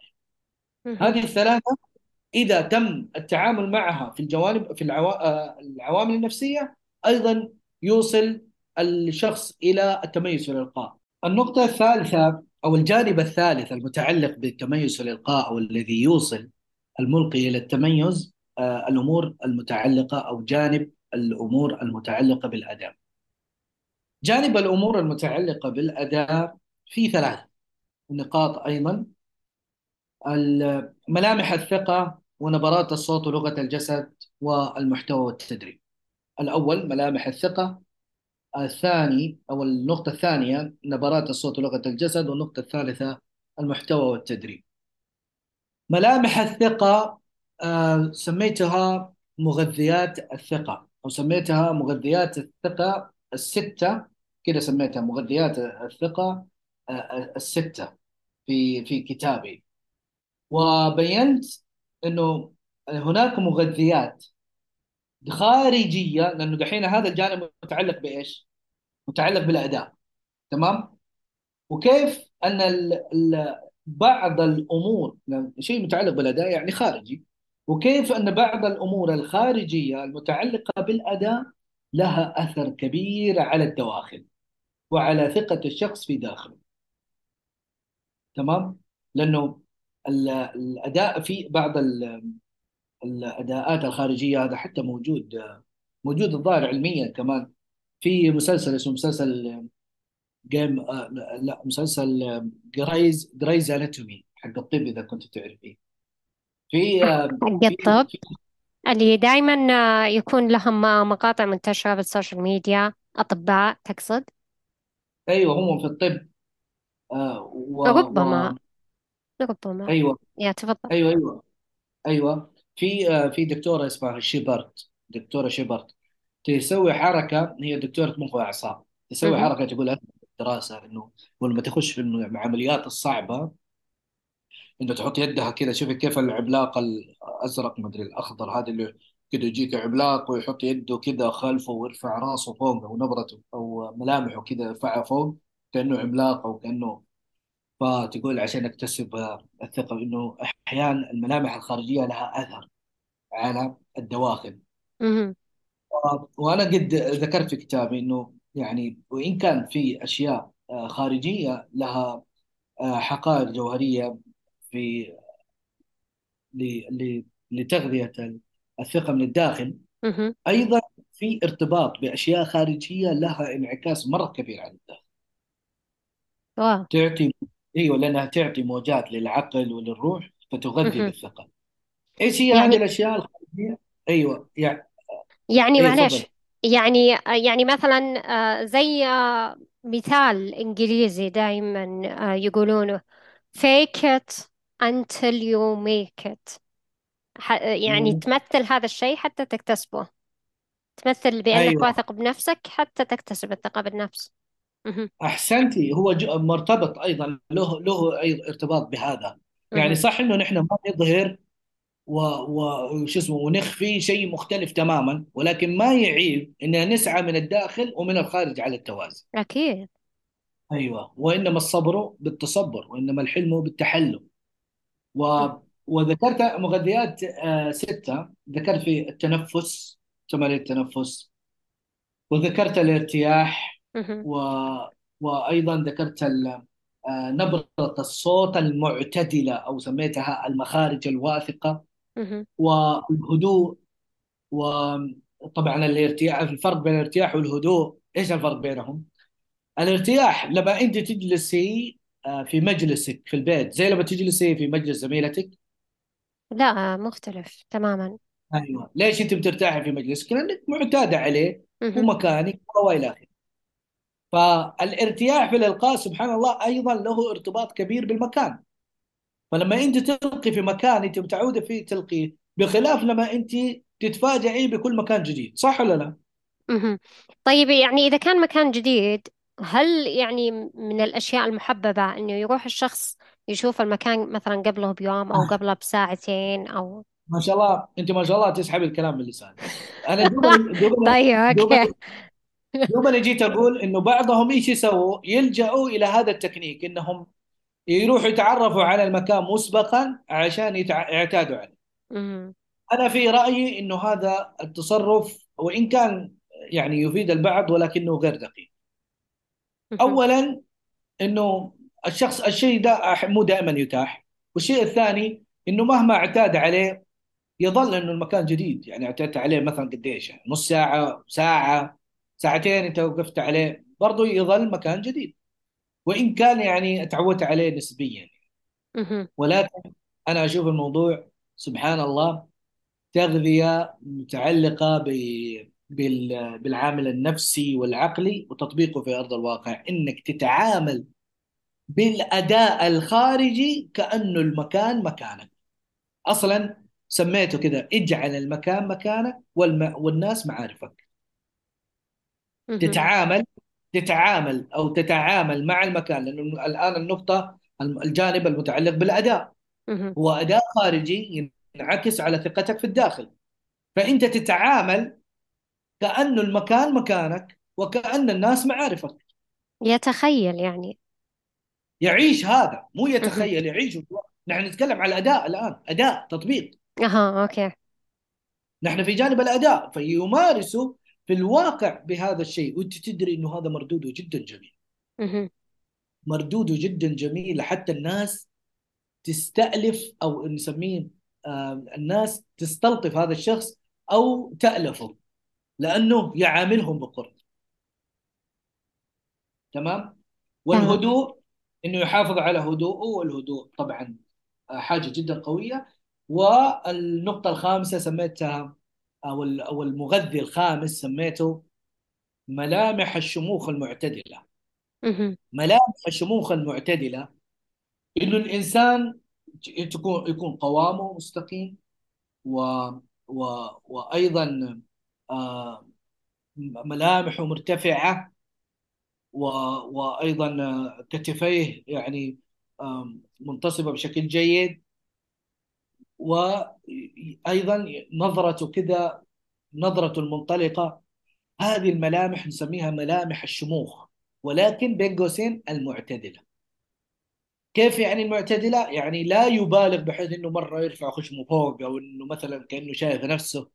شوفي كيف الفينيشستات لما يجوا يسووا دعايات الملابس أو مثلا أو نسميهم قصدي العارضات أو مثلا حتى حقين الدعاية حتى الرجال اللي يسووا دعاية مثلا الثياب أو أو العطور أو كذا شوف الملامح هذه اللي تجيكي كذا يرفع آه، رأسه أو كذا هي نفسها ولكن مو بال مو بالمبالغة حقتهم طبعا هم بيبالغوا لأنه موطن الموطن يستدعي المبالغة. ترفع تجيك ترفع خشمها فوق ومدري إيه. بس مو تروح يعني اللي بتلقى مهم. تسوي زيها إيه يعني اللي ما حد ما حد تسويه بيتقبلها أصلا أحسنتي فسادسا أقصد سادسا وليس خامسا آه خامسا اللي هو طلاقة الوجه.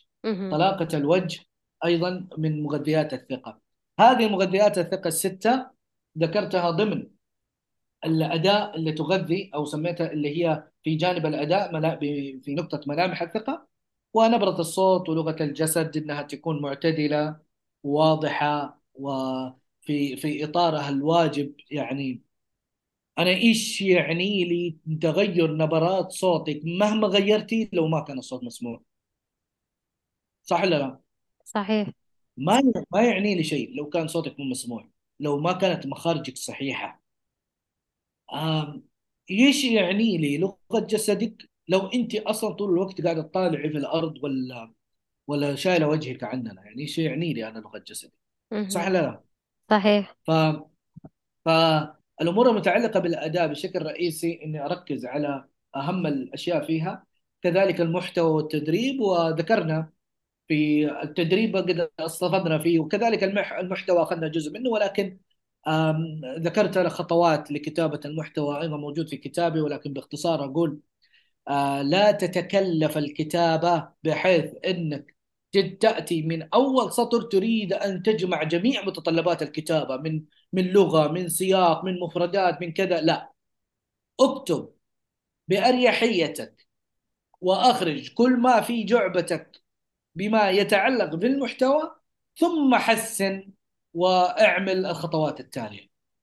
وأكبر عائق أمام كتابة المحتوى هو أن الشخص يأتي يريد أن يوفر جميع المتطلبات من بداية كتابته. هذا بالنسبة لكتابة المحتوى والتدريب عليه قد سبق الكلام عنه بشكل مفصل. إذا باختصار التميز الوصول للتميز في الإلقاء مع الولوج لهذه الجوانب الثلاثة. الأمور المتعلقة بالقناعات وفيها ثلاث نقاط. أن تختار موضعك المقارنة وتميز الغير مفهومك فيه والمخاوف المهمية كيف تطرحها. آه، الجانب الثاني الأمور المتعلقة بالعوامل النفسية أنك تتعامل مع التوتر على أنه التوتر الطبيعي البدائي على أنه طبيعي التحديات العارضة التعامل معها بشكل طبيعي وألا تتعلق أو تبالغ في إرضاء الجمهور. الجانب الثالث الأمور المتعلقة بالأداء وفيها ملامح الثقة اللي هي مغذيات الثقة الستة ونبرة الصوت المعتدلة ولغة الجسد والتنويع حسب حسب الحاجة وحسب المحتوى. النقطة الثالثة والأخيرة المحتوى والتدريب بحيث أنك ما تتكلف في كتابة المحتوى ابتداء وتحسن مؤخرا وتتدرب على الإلقاء. هذه الثلاثة توصل الإنسان إلى التميز في الإلقاء بإذن الله تعالى. إذا حتى هذه يعني النقاط آه، يتدرج تحتها الكثير آه، من المهارات الناعمة التي لابد من الشخص إنه يكتسبها. لكن بشكل تدريجي. طبعا ما إحنا يعني نثقل على الشخص اللي يستمع لنا أو حاب يتعلم هذه الأشياء ونقول آه إنه يعني من أول مرة راح تكتسب التميز في الإلقاء أكيد آه ما ذكرنا حنا تعداد آه معين أو ذكره الأستاذ آه عماد في كتابه إلا أنه يعني لابد أن تأخذه بشكل متسلسل. خطوة بعد خطوة حتى تصل إلى هدفك الأساسي هو التميز في الإلقاء. من ضمن الخطوات اللي ذكرتها هو أنه التعامل مع القلق آه اللي هو يجعل الإنسان آه يتوتر أحيانا. في بعض الأحيان لما يوقفون الأشخاص أمام جمهور معين آه يشعرون بالتوتر وكذلك توارد الأفكار السلبية آه، عن إلقائه في أثناء التحدث. يعني هو يلقي قاعد يفكر إنه يعني إلقائي ما كان كويس مخارج الحروف مثلا ما كانت كويسة آه، الجمهور مثلا ما تفاعل معي. فما هي الأمور آه، التي لابد من فعلها في هذا الموقف؟ إذا كان جميل. شعر في التوتر وكذلك تواجد الأفكار السلبية في أثناء الإلقاء. جميل جدا. هذا ذكرناه نحن في بشكل يعني استطرادي في كذا نقطة سابقة ولكن نذكرها هنا بشكل مركز وبشكل سريع. الشخص إذا قام على المنصة عمل كل حاجة ولكن قام على المنصة وجاء يلقي جاله توتر أو جاته أفكار سلبية أو أضيف نقطة ثالثة على السؤال حصلت بعض الأمور التي تستدعي التوتر. تمام؟ الأمور ال ال التي لابد من فعلها في هذا الموقف ثلاثة أمور. الأمر الأول أن يعي أن ليس لهذا كله اعتبار. كل هذا مو معتبر. أنت يا ابن الناس إيش اللي يعنيك؟ يعنيك إنه هذا الموضوع بيأثر على واقعك ولا لا؟ طيب أنا بقول لك ليس له اعتبار. إذا ما بيأثر على واقعك بكل بساطة. خليك واعي بهذا الموضوع. إنها أفكار. أفكار يعني أول شيء توتر. توتر اذا هو طبيعي. أنا ما أشوفه على إنه أول شيء أكون واعي بإنه هذا توتر طبيعي. الأفكار السلبية برضو اسمها أفكار سلبية. ما ما فيها أشياء في شيء في الواقع. اذا أنا أعي اولا إنه ليس لها اعتبار. فيأتي طبيعي النقطة الثانية. في التعامل بعدها الوعي على أنه أمر طبيعي إني اتجاهله ولا أبني عليه. هو شيء ما له اعتبار. فاذا أنا ليش أركز معه؟ فإذا اتجاهله وهذا أنا ذكرته برضو في كتابي إنه كثير من الأشياء المتعلقة بالتوتر والأفكار السلبية إنك أنت تتجاهلها. لأنك لو قعدت تفكر فيها وركزت معاها بتزيد معاك. تجاهلها بتطفيها. لأنه أصلا آه، أنت ما بتتجاهل أصلا شيء ملموس. انت بتتجاهل شيء أصلا ما هو ما له اعتبار. فاذا تجاهلك هو الأقوى في الموضوع.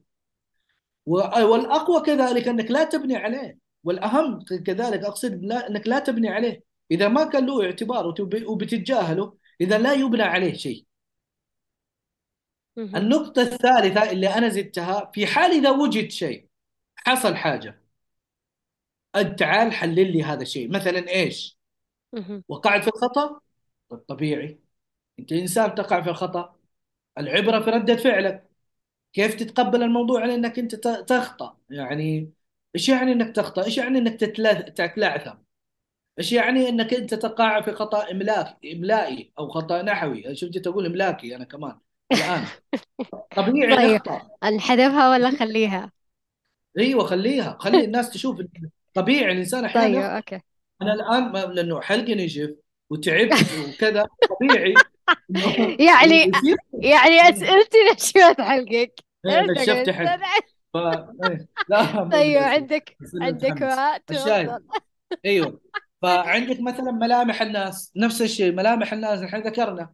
وش دخل ملامح الناس في أدائك؟ أنت حتجلس تحلل ملامح كل واحد. وتبغى تتأكد من ملامح كل شخص. يعني قدامك لو قلنا 10 أشخاص يا الله أنت تجلس تحلل 10 أشخاص فما بالك لو كان عندك امامك 20 ولا 30 ولا 40 ما هو ما هو شغلك. ولا في يدك أنت إنك ترضي الناس كلهم.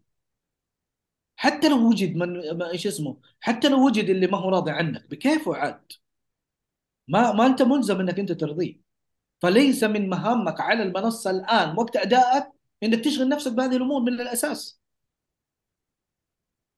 فهذا التعامل مع التوتر والأفكار السلبية أو إذا وجدت أشياء عارضة مثل الخطأ أو كذا إنه يعي إنه هذا ليس له اعتبار وإنه يتجاهل ولا يبني عليه وإنه يتقبل إنه هذا أي إنسان يعني يقع في هذا الخطأ ويمر بهذا النقص.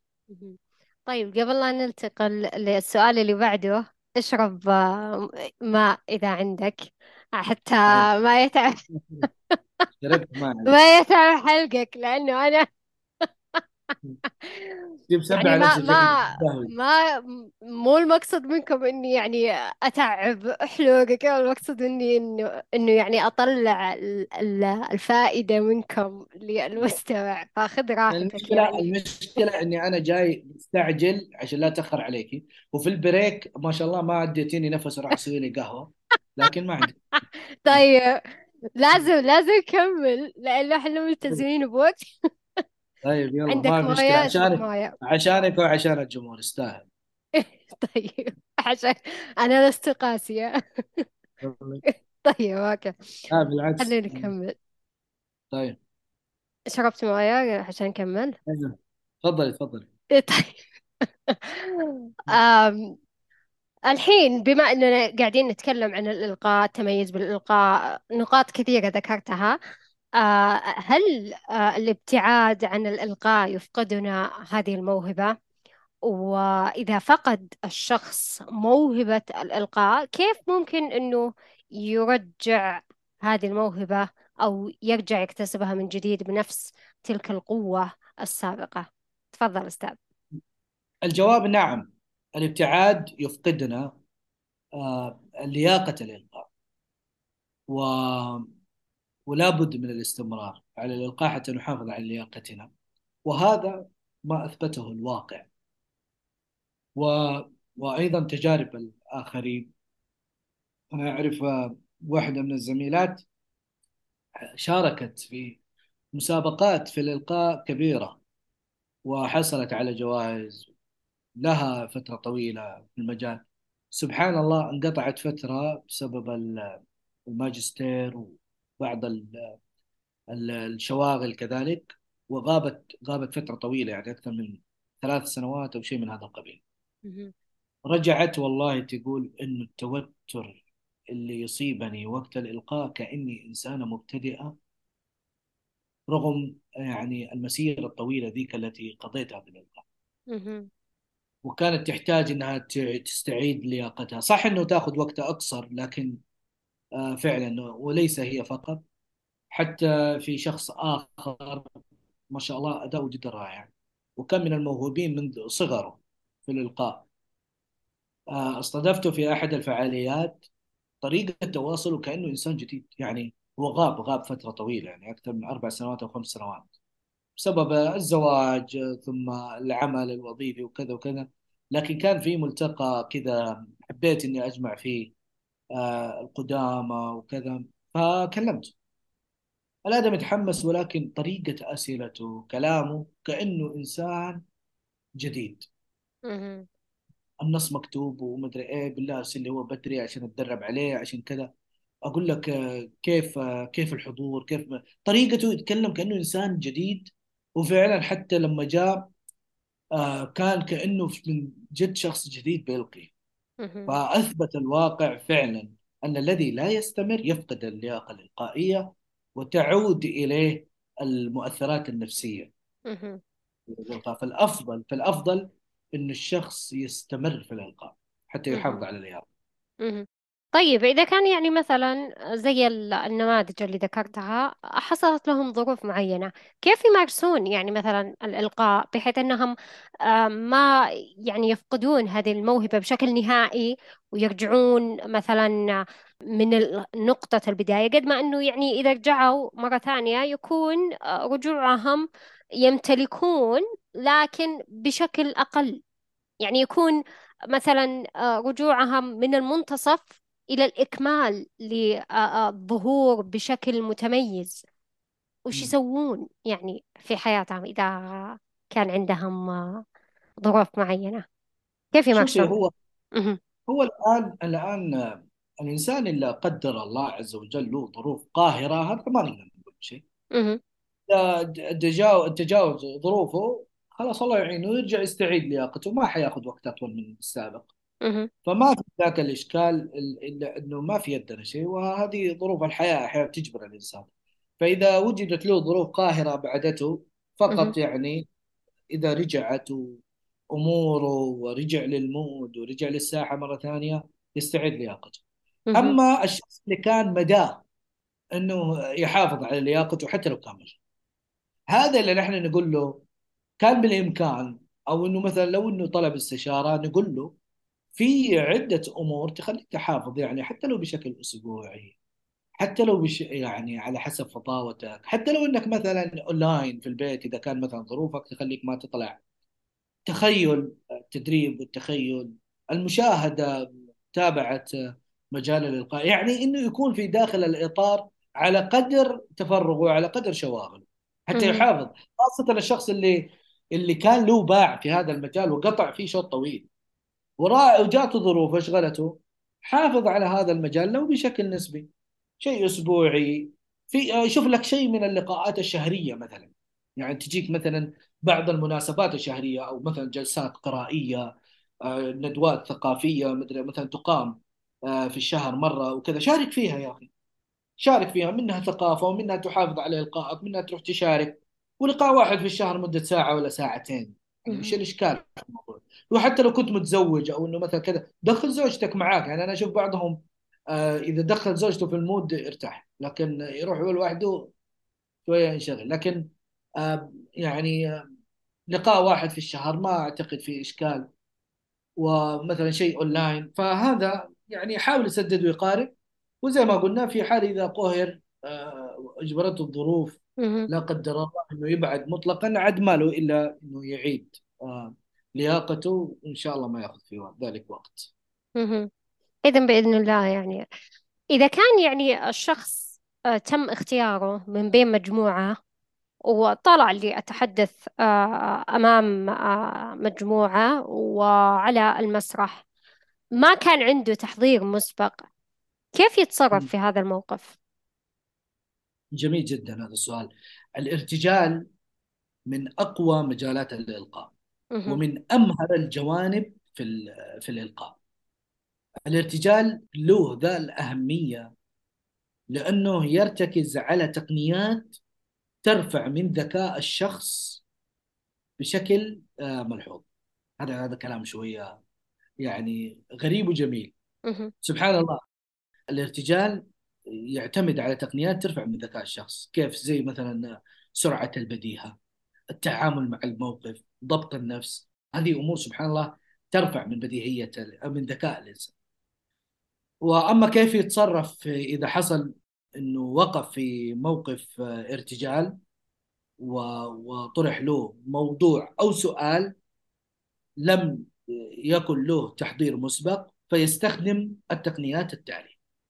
مهم. أولا يبدأ بمدخل عادي مثلا زي الشكر وإظهار السعادة بهذه المقابلة أو بهذا السؤال أو بكذا لأنه أول شيء لابد أنه يعني لا آسف أول حاجة يتعامل مع الموضوع بشكل هادئ يعني طبيعي طبيعي لابد أنه هو يقتنع أنه ما يكون عنده أي معلومة أو أو لم يستحضر أي شيء في هذا الموضوع الآن عندما يأتيك سؤال أو موضوع مرتجل طلب منك أنك تتعلق عليه أو تجيب على هذا السؤال طبيعي أول ما يطرح ما يكون في شيء في ذهنك عنه مرة طبيعي. فإذا علمت أنه هذا طبيعي أنه ما يكون في عندك أي شيء آه، حاضر الآن فتعامل معه على آه، بشكل هادي. تعامل معه بشكل هادي وإنه طبيعي ما تكون عندك أي معلومة، ليش أنا أقول إنه يتعامل بشكل هادي؟ لأن البعض يتوتر في هذا الموقف لأنه يظن إنه مفترض إنه بمجرد إنه يأتيه السؤال أو الموضوع اللي طرح له إنه على طول الإجابة المفترض تكون حاضرة عشان يسمي نفسه مرتجل أو مرتجل، لا مو. صحيح. مو صحيح. طبيعي إنه ما يكون في ذهنك ولا شيء. كذا هواء على قولهم ولا شيء في الموضوع. فإذا خليك هادي عادي. طب إيش تسوي عشان تبدأ تجي تجلب الأفكار لراسك حول حول هذا الموضوع الذي طرح أو السؤال الذي توجه إليك؟ اولا أو ثانيا نقول بعد الهدوء يعني اذا إذا اعتبرنا الهدوء اولا. ثانيا بعد الهدوء إنك تبدأ بمقدمة أو بمدخل لا يصعب على أحد ابدا إنه يبدأ آه، بيها يعني مستحيل تيجي تقول صعب إني أنا أقدر أبدأ بالمقدمة دي. ما يصعب إلا اللي قاعد يفكر في السؤال وفي الموضوع. وناسي أصلا المدخل فيقول لك أنا ما عرفت إيش أقول. لا مو صحيح. في شيء تقدر تقوله اولا هل ما تقدر تقول أنا سعيد جدا بإنك اخترتني إني أتكلم في هذا الموضوع؟ هل صعب. إنك تقول؟ هل لا صعب إنك شيء تشكره. أيوه هل صعب إنك تشكره أو إنك تظهر إنك أنت سعيد إنك موجود في هذه المناسبة؟ مرة مو صعب. فقط أنت رايح قاعد تفكر في السؤال والموضوع إيش إيش إيش اتكلم فيه؟ وناس المدخل والمدخل أنت بإمكانك إنك تجيب أي مدخل تتكلم فيه. فإذا جيب أي حاجة خذها تمهيد عشان تبدأ تجيب الأفكار حول السؤال. فتبدأ بمدخل. اولا أنا أشكرك على هذا السؤال سؤال جدا جميل وأنا سعيد صراحة بتواجدي معكم وإن شاء الله اني إني أكون ضيف خفيف. عليكم. وأما بالنسبة للسؤال أرجع أحوم حول السؤال. هذه النقطة الثالثة. طيب بدأت بمدخل أجي السؤال. مثلا قال لك أتكلم عن آه، رواد الفضاء اللي طلعوا ريانا وعلي القرني. حدثنا عن هذه التجربة. سؤال أكيد ما في في راسه يمكن أي حاجة في نفس الوقت لما طرح له سؤال. صح ولا لا؟ صحيح. اولا يا شيخ خلينا نشوف التقنية. خلي أنا أكون هادي. ثاني هذه النقطة الأولى. أكون هادي. ثاني شيء أبدأ أجلب ال- الأفكار بتمهيد. أبدأ بمدخل اولا أشكرك على أنك اخترتني لهذا السؤال الجميل جدا وأنا سعيد بتواجدي معكم وإن شاء الله إني أقدر أضيف حاجة آه، تليق بحق رواد الفضاء. شوفي كيف؟ ما جاوبت أنا على السؤال. أنا ما جاوبت على السؤال إلى الآن. أنا إيش قاعد أسوي؟ قاعد أعلق. قاعد أعلق بدخل بمدخل. وأما على سؤالك إنه إيش مشاعري أو إيش إيش إيش رأيي في هذه التجربة فلا شك إنه إنه تجربة مثل هذه آه، لها مردود جدا كبير لنا نحن كسعوديين في رفع طموحاتنا وإن نحن طموحاتنا ما عاد صار تحوم في الأرض طلعت الفضاء. وشوفي كيف بدأت تجي. يمكن حتى الكلمتين هذه شوفي أنا أكلمك الآن ما كانت في بالي. لكن جات جات لما بدأت بمدخل أول شيء كنت هذه بدات بمدخل حمت حول السؤال. هذه النقطة الثالثه اللي ما ما استهبت فيها إنك تحومي حول السؤال مو شرط إنك تجاوب مباشرة. تحومي حول السؤال أو حول الموضوع. ثم النقطة الرابعة الدخول في الموضوع. زي ما سويت أنا دوبو دخلت في الموضوع وجاوبت بشكل مباشر. وأحيانا الإجابة على السؤال أو التعليق على الموضوع سبحان الله قد ما ياخذ ست ثواني. أو عشر ثواني فقط. انه أصلا هو فعلا السؤال يكفيه هذا. ولكن إيش اللي خلى السؤال مليان ومغذى؟ هو المدخل أول شيء الهدوء وملامح الثقة في البداية ثم المدخل ثم الحومة حول السؤال ثم الإجابة المباشرة. جاوبت إجابة مباشره ممكن السؤال أصلا ما ي- ما ي- ما يتطلب مني ولا 10 10 ثواني أصلا. فجاوبت بعدين خامسا وأخيرا أختم بتكفيلة. لازم تكون عندي تكفيلة. أس يعني أنا كذا أختار تكفيلة حتى في نفس الوقت. تمنياتي للجميع بالتوفيق والنجاح. إيش إيش يبغى له هذا إني أنا؟ هل هذا يحتاج إلى إلى تكلف؟ يعني خذ بعض الأشياء. ومثلا ونسأل الله أن يأتي مثل ريانا وعلي آه، كثير بإذن الله ويرفعوا سارية وراية المملكة مثلا. أو أخليها كذا زي التكفيله أختار أي كلمتين أخليها تكفيله. هذه أنا أشوفها تقنيات التعامل مع الارتجال. شخصيا دربت أحد الأشخاص كان يريد أن يطور نفسه في الارتجال. سبحان الله هو من محاربي التأتأة. ورجل له تميز وكاريزما وكان من أصعب ال- ال- المجالات في الإلقاء. عنده مجال الارتجال لما أخذ هذه التقنيات كان كان دائما يجي سبحان الله يتدرب آه، عندي تدريب خاص بالارتجال. الآن هو من المتمكنين ما شاء الله في مجال الارتجال لأنه يعمل بهذه التقنيات. ما شاء الله تبارك الله. آه طيب آه بما أنه يعني تشعبت بهذا الموضوع أكيد آه يعني أنا استفدت كمستمع قبل أنه لا ينزل للمستمعين كيف أننا نتعامل مع الارتجال أول شيء مقدمة وخاتمة تكون ثابتة ثم التحدث بشكل بسيط عن آه، السؤال وثم الإجابة. إذا تكون آه، هي ال- ال- المحتوى. وقبلها وقبلها كلها. التعامل بهدوء إنه طبيعي إنه ما تكون عندي معلومات. أيضا التعامل بهدوء إذا يكون لديه ثقة بنفسه وكذلك آه أنه راح يجاوب هذا الجواب بحيث يكون الطابع العام عليه هو الهدوء. أعطينا تمارين آه يعني آه تجعل ال- ال- اللي يستمعوننا أنهم يتقنون فن الإلقاء. جميل. أنا الخصه في أربعة. طبعا هي ذكرت زي ما ذكرنا في في ثنايا حديثنا. ولكن سبحان الله أحيانا إخراج بعض الإجابات تحت بعض الأسئلة بشكل مباشر يعني طريقة جميلة جدا لل- للوصول لبعض الإجابات أو لبعض النقاط بشكل مركز. والحلو إنه أغلب النقاط اللي حذكرها الآن نحن تكلمنا فيها فما نحتاج نسال فيها ولكن أذكرها بشكل آه، نقاط ونعرف إنه هذه آه، تساعد بشكل كبير على اتقان الإلقاء. اولا. تمارين التنفس، ثانيا التدرب بالإلقاء الكامل كأنك أمام الجمهور، ثالثا التخيل، رابعا ضبط المخارج واللغة. هذه أربع أشياء تجعلك تتقن فن الإلقاء. أكيد لكل مجال هناك صعوبات معينة. آه، فما هي الصعوبات التي تواجه الشخص آه، إذا بدأ بتعلم فن الإلقاء؟ وكذلك يطمح ويريد التميز فيه أمام التعلم مهم. يعني اللي عجبني في أسئلتك أستاذة إيمان آه الله يحفظك آه إنه في دقة في الأسئلة مهم. الجميل إنك أنت ذكرتي يعني ما في ما في هنا الكلام المعتاد اللي هو العوائق والصعوبات أمام الإلقاء لأنه هذا قد أصلا تم النقاش فيه وطرح بطرق مختلفة ولكن أنت هنا حددتي بشكل مباشر وهذا الجميل في هذا السؤال أمام التعلم تعلم الإلقاء. يعني إيش اللي خل... إيش اللي يعيقني أمام آه، تعلم الإلقاء؟ أنا أشوف أنه العائق العوائق أمام تعلم الإلقاء ثلاث. أولا عدم الإقدام. أن يقف دون أمانيه يعني يقف في حدود الأماني. والله يودي ولكن ما يقدم. مهم. فهذا أكبر عائق عن أنه يتعلم. كيف يتعلم؟ إذا هو قاعد يتمنى وما بيطبق في الواقع ولا بيقدم يتعلم.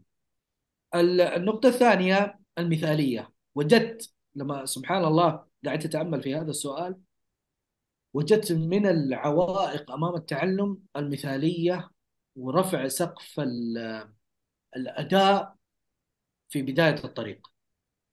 يعني يريد أن يبدأ بكل شيء كامل من البداية يبي يكون كامل في كل حاجة من البداية.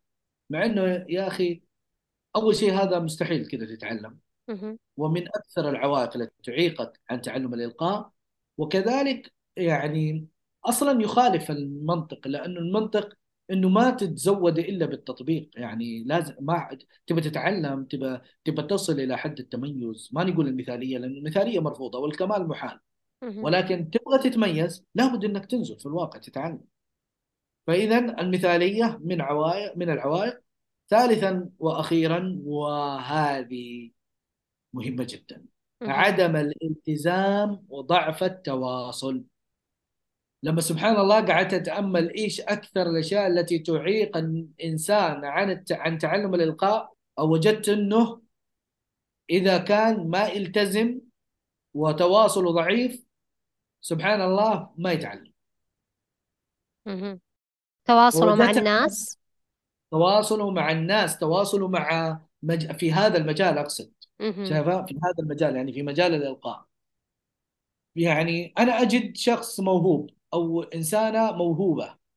وبعضهم أصلا لمحوا يعني هذا الشيء إني تركت التواصل معهم أو إني مو تركت التواصل معهم يعني في حد الواجب الأخوة وهذا موجودة. لكن في العمل وفي الإلقاء وفي التدريب ما ما أعطيهم اهتمام.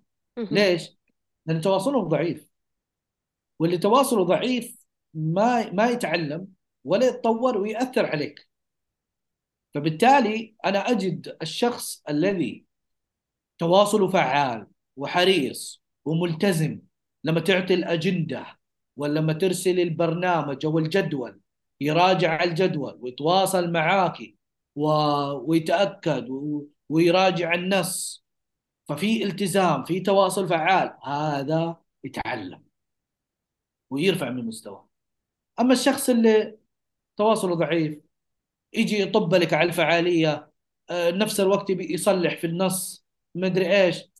هذا وإن كان يعني يقدم لك اداء ممكن يكون مرضي بنسبه لكن مستحيل يتعلم. هذه الثلاثة أنا أشوف هي عوائق أمام التعلم عدم الإقدام المثالية عدم الالتزام وضعف التواصل.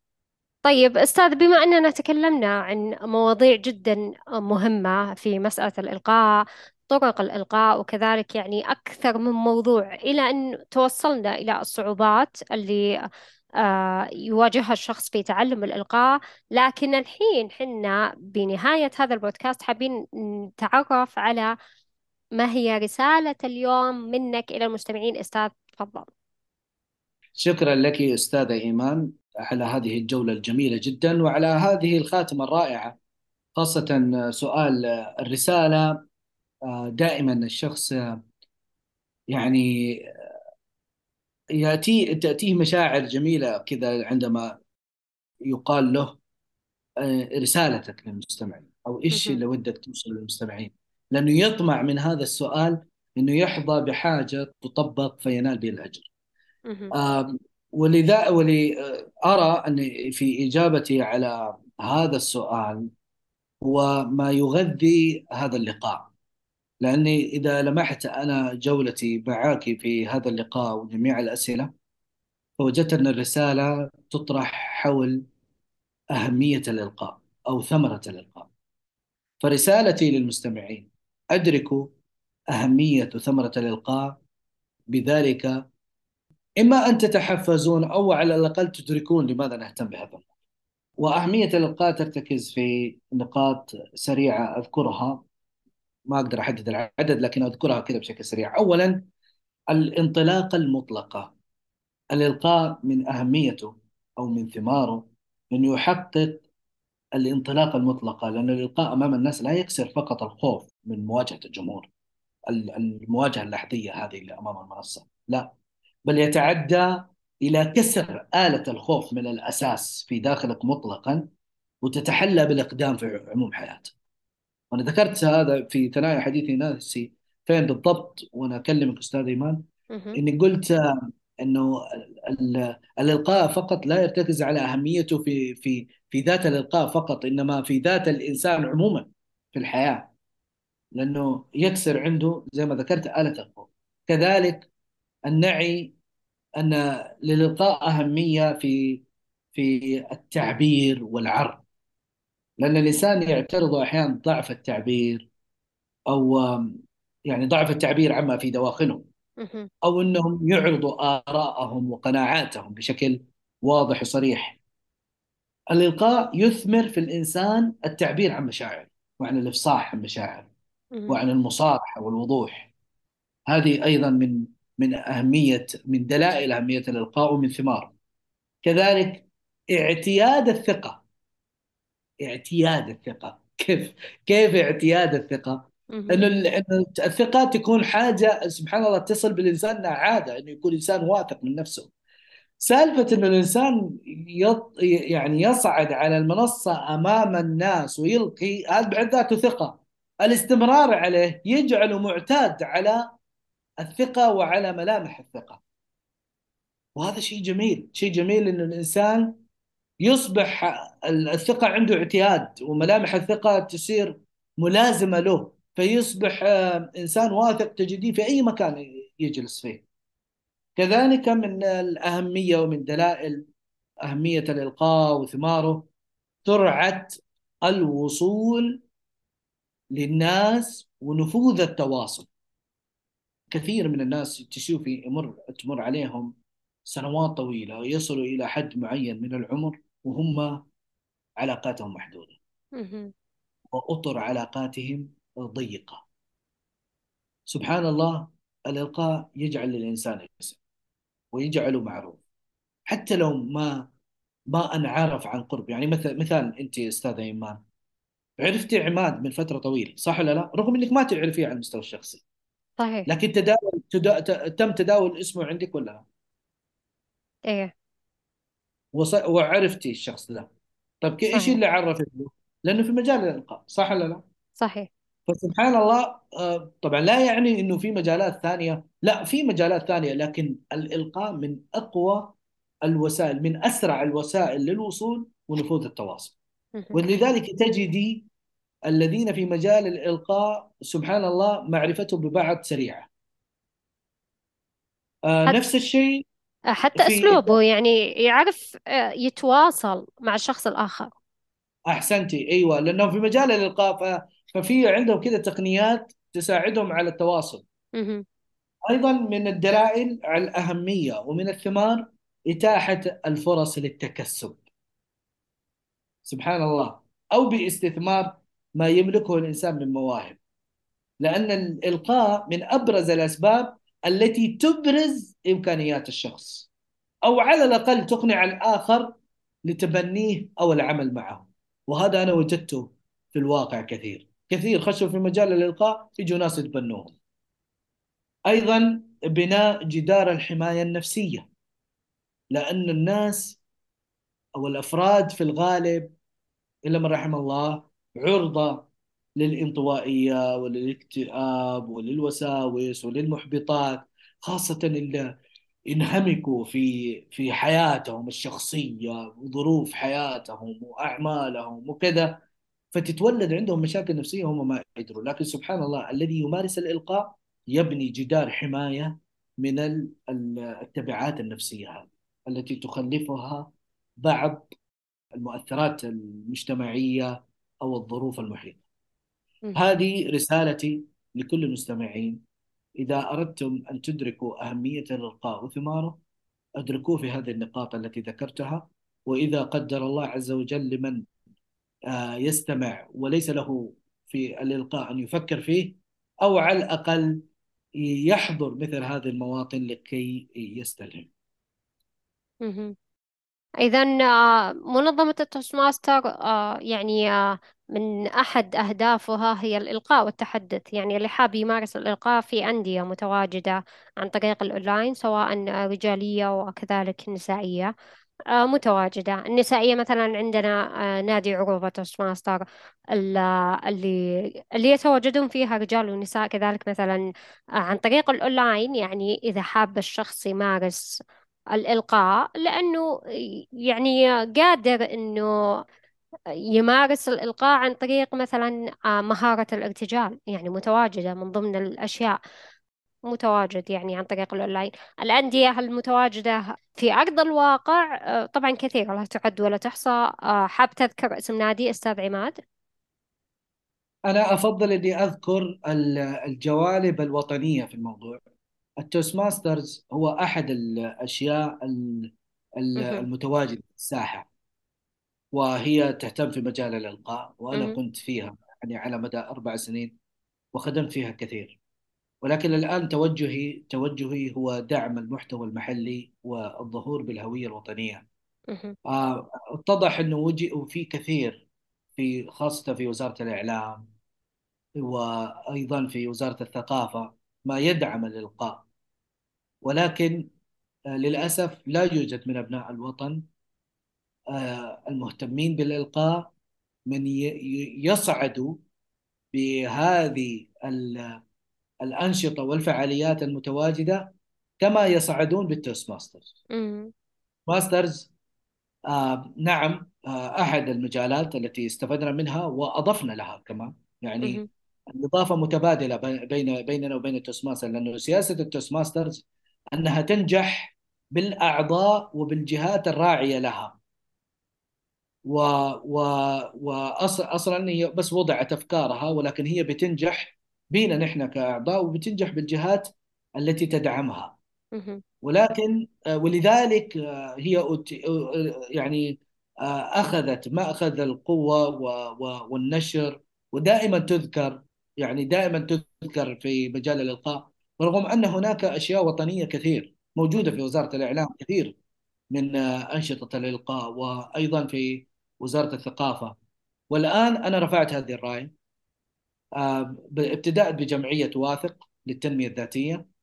ووضعت فيها برامج مبتكرة بهوية وطنية سعودية آه، بأفكار يعني أنا أربع سنوات في ال Toastmasters لدرجة أني متشرب أنظمة ال Toastmasters حتى تفوقت على بعض القدامى فيها. ورحت لما ابتكرت شيء جديد ابتكرت شيء بعيد عن الهوية الخاصة بال Toastmasters. هذه منظمة. لها أفكارها. ولكن هنا أنا أخرجت شيء وطني خاص ورفعته بفضل الله عز وجل للمركز الوطني وتم اعتماده وتم دعمه. وكذا الآن مركز التنمية داعمين النشاط هذا بشكل كبير حتى أتاحوا لي قاعاتهم في مركز التنمية المشرفة مهم. على الجمعيات عندنا في مكة. وأيضا آه، الآن آه، تضافرت الجهود في موضوع التعاون لدعم المحتوى المحلي. الآن في شراكة مع وزارة الثقافة مع وزارة الإعلام. فأنا رأيي أنه نحتاج نحن كسعوديين أن ندعم المحتوى المحلي. ولا ولا يتعارض أبدا مع أي شيء استفدنا منه سواء Toastmasters أو أي شيء آخر. ولكن نحتاج أن ندعم المحتوى المحلي ونظهر بهويتنا الخاصة وأيضا بأفكارنا الخاصة خاصة أن ال Toastmaster له بروتوكولات آه، يعني مقيدة بأمور آه، أيضا آه، هم من حقهم. طبعا تعود فائدتها سواء كان المالية أو الهوية البصرية.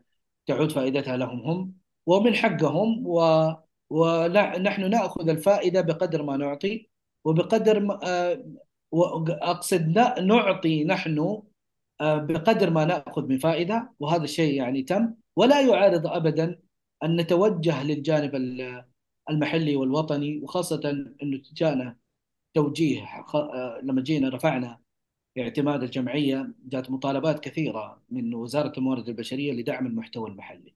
مهم. فأنا أجد أنه هذه المنصة ممكن نرفع راية أنا وأنت أستاذة إيمان. ونحن يعني أبناء هذا المجال مجال الإلقاء. أننا من جد نحتاج نحتاج كمواطنين أن نرفع أنشطة ال- الوطن في هذا المجال.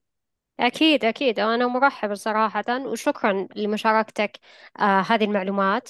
وكذلك أتمنى لك التوفيق آه في جمعيتك الجديدة وإن شاء الله بحول الله وقوته نسمع صداها على مستوى آه مدن المملكة بحول الله وقوته.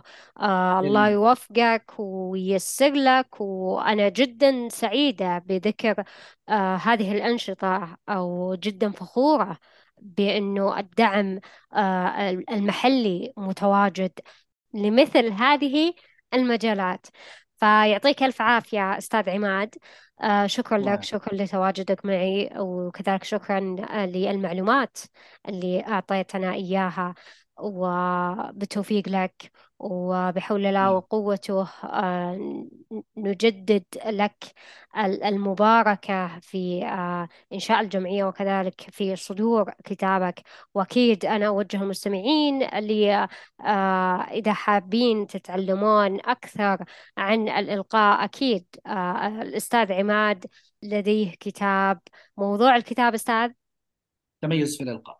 التميز في الإلقاء إذا وعلى هذا سيداتي وسادتي دمتم بخير وشاركوني تعليقاتكم على هذه الحلقة في أحد مواقع التواصل الاجتماعي.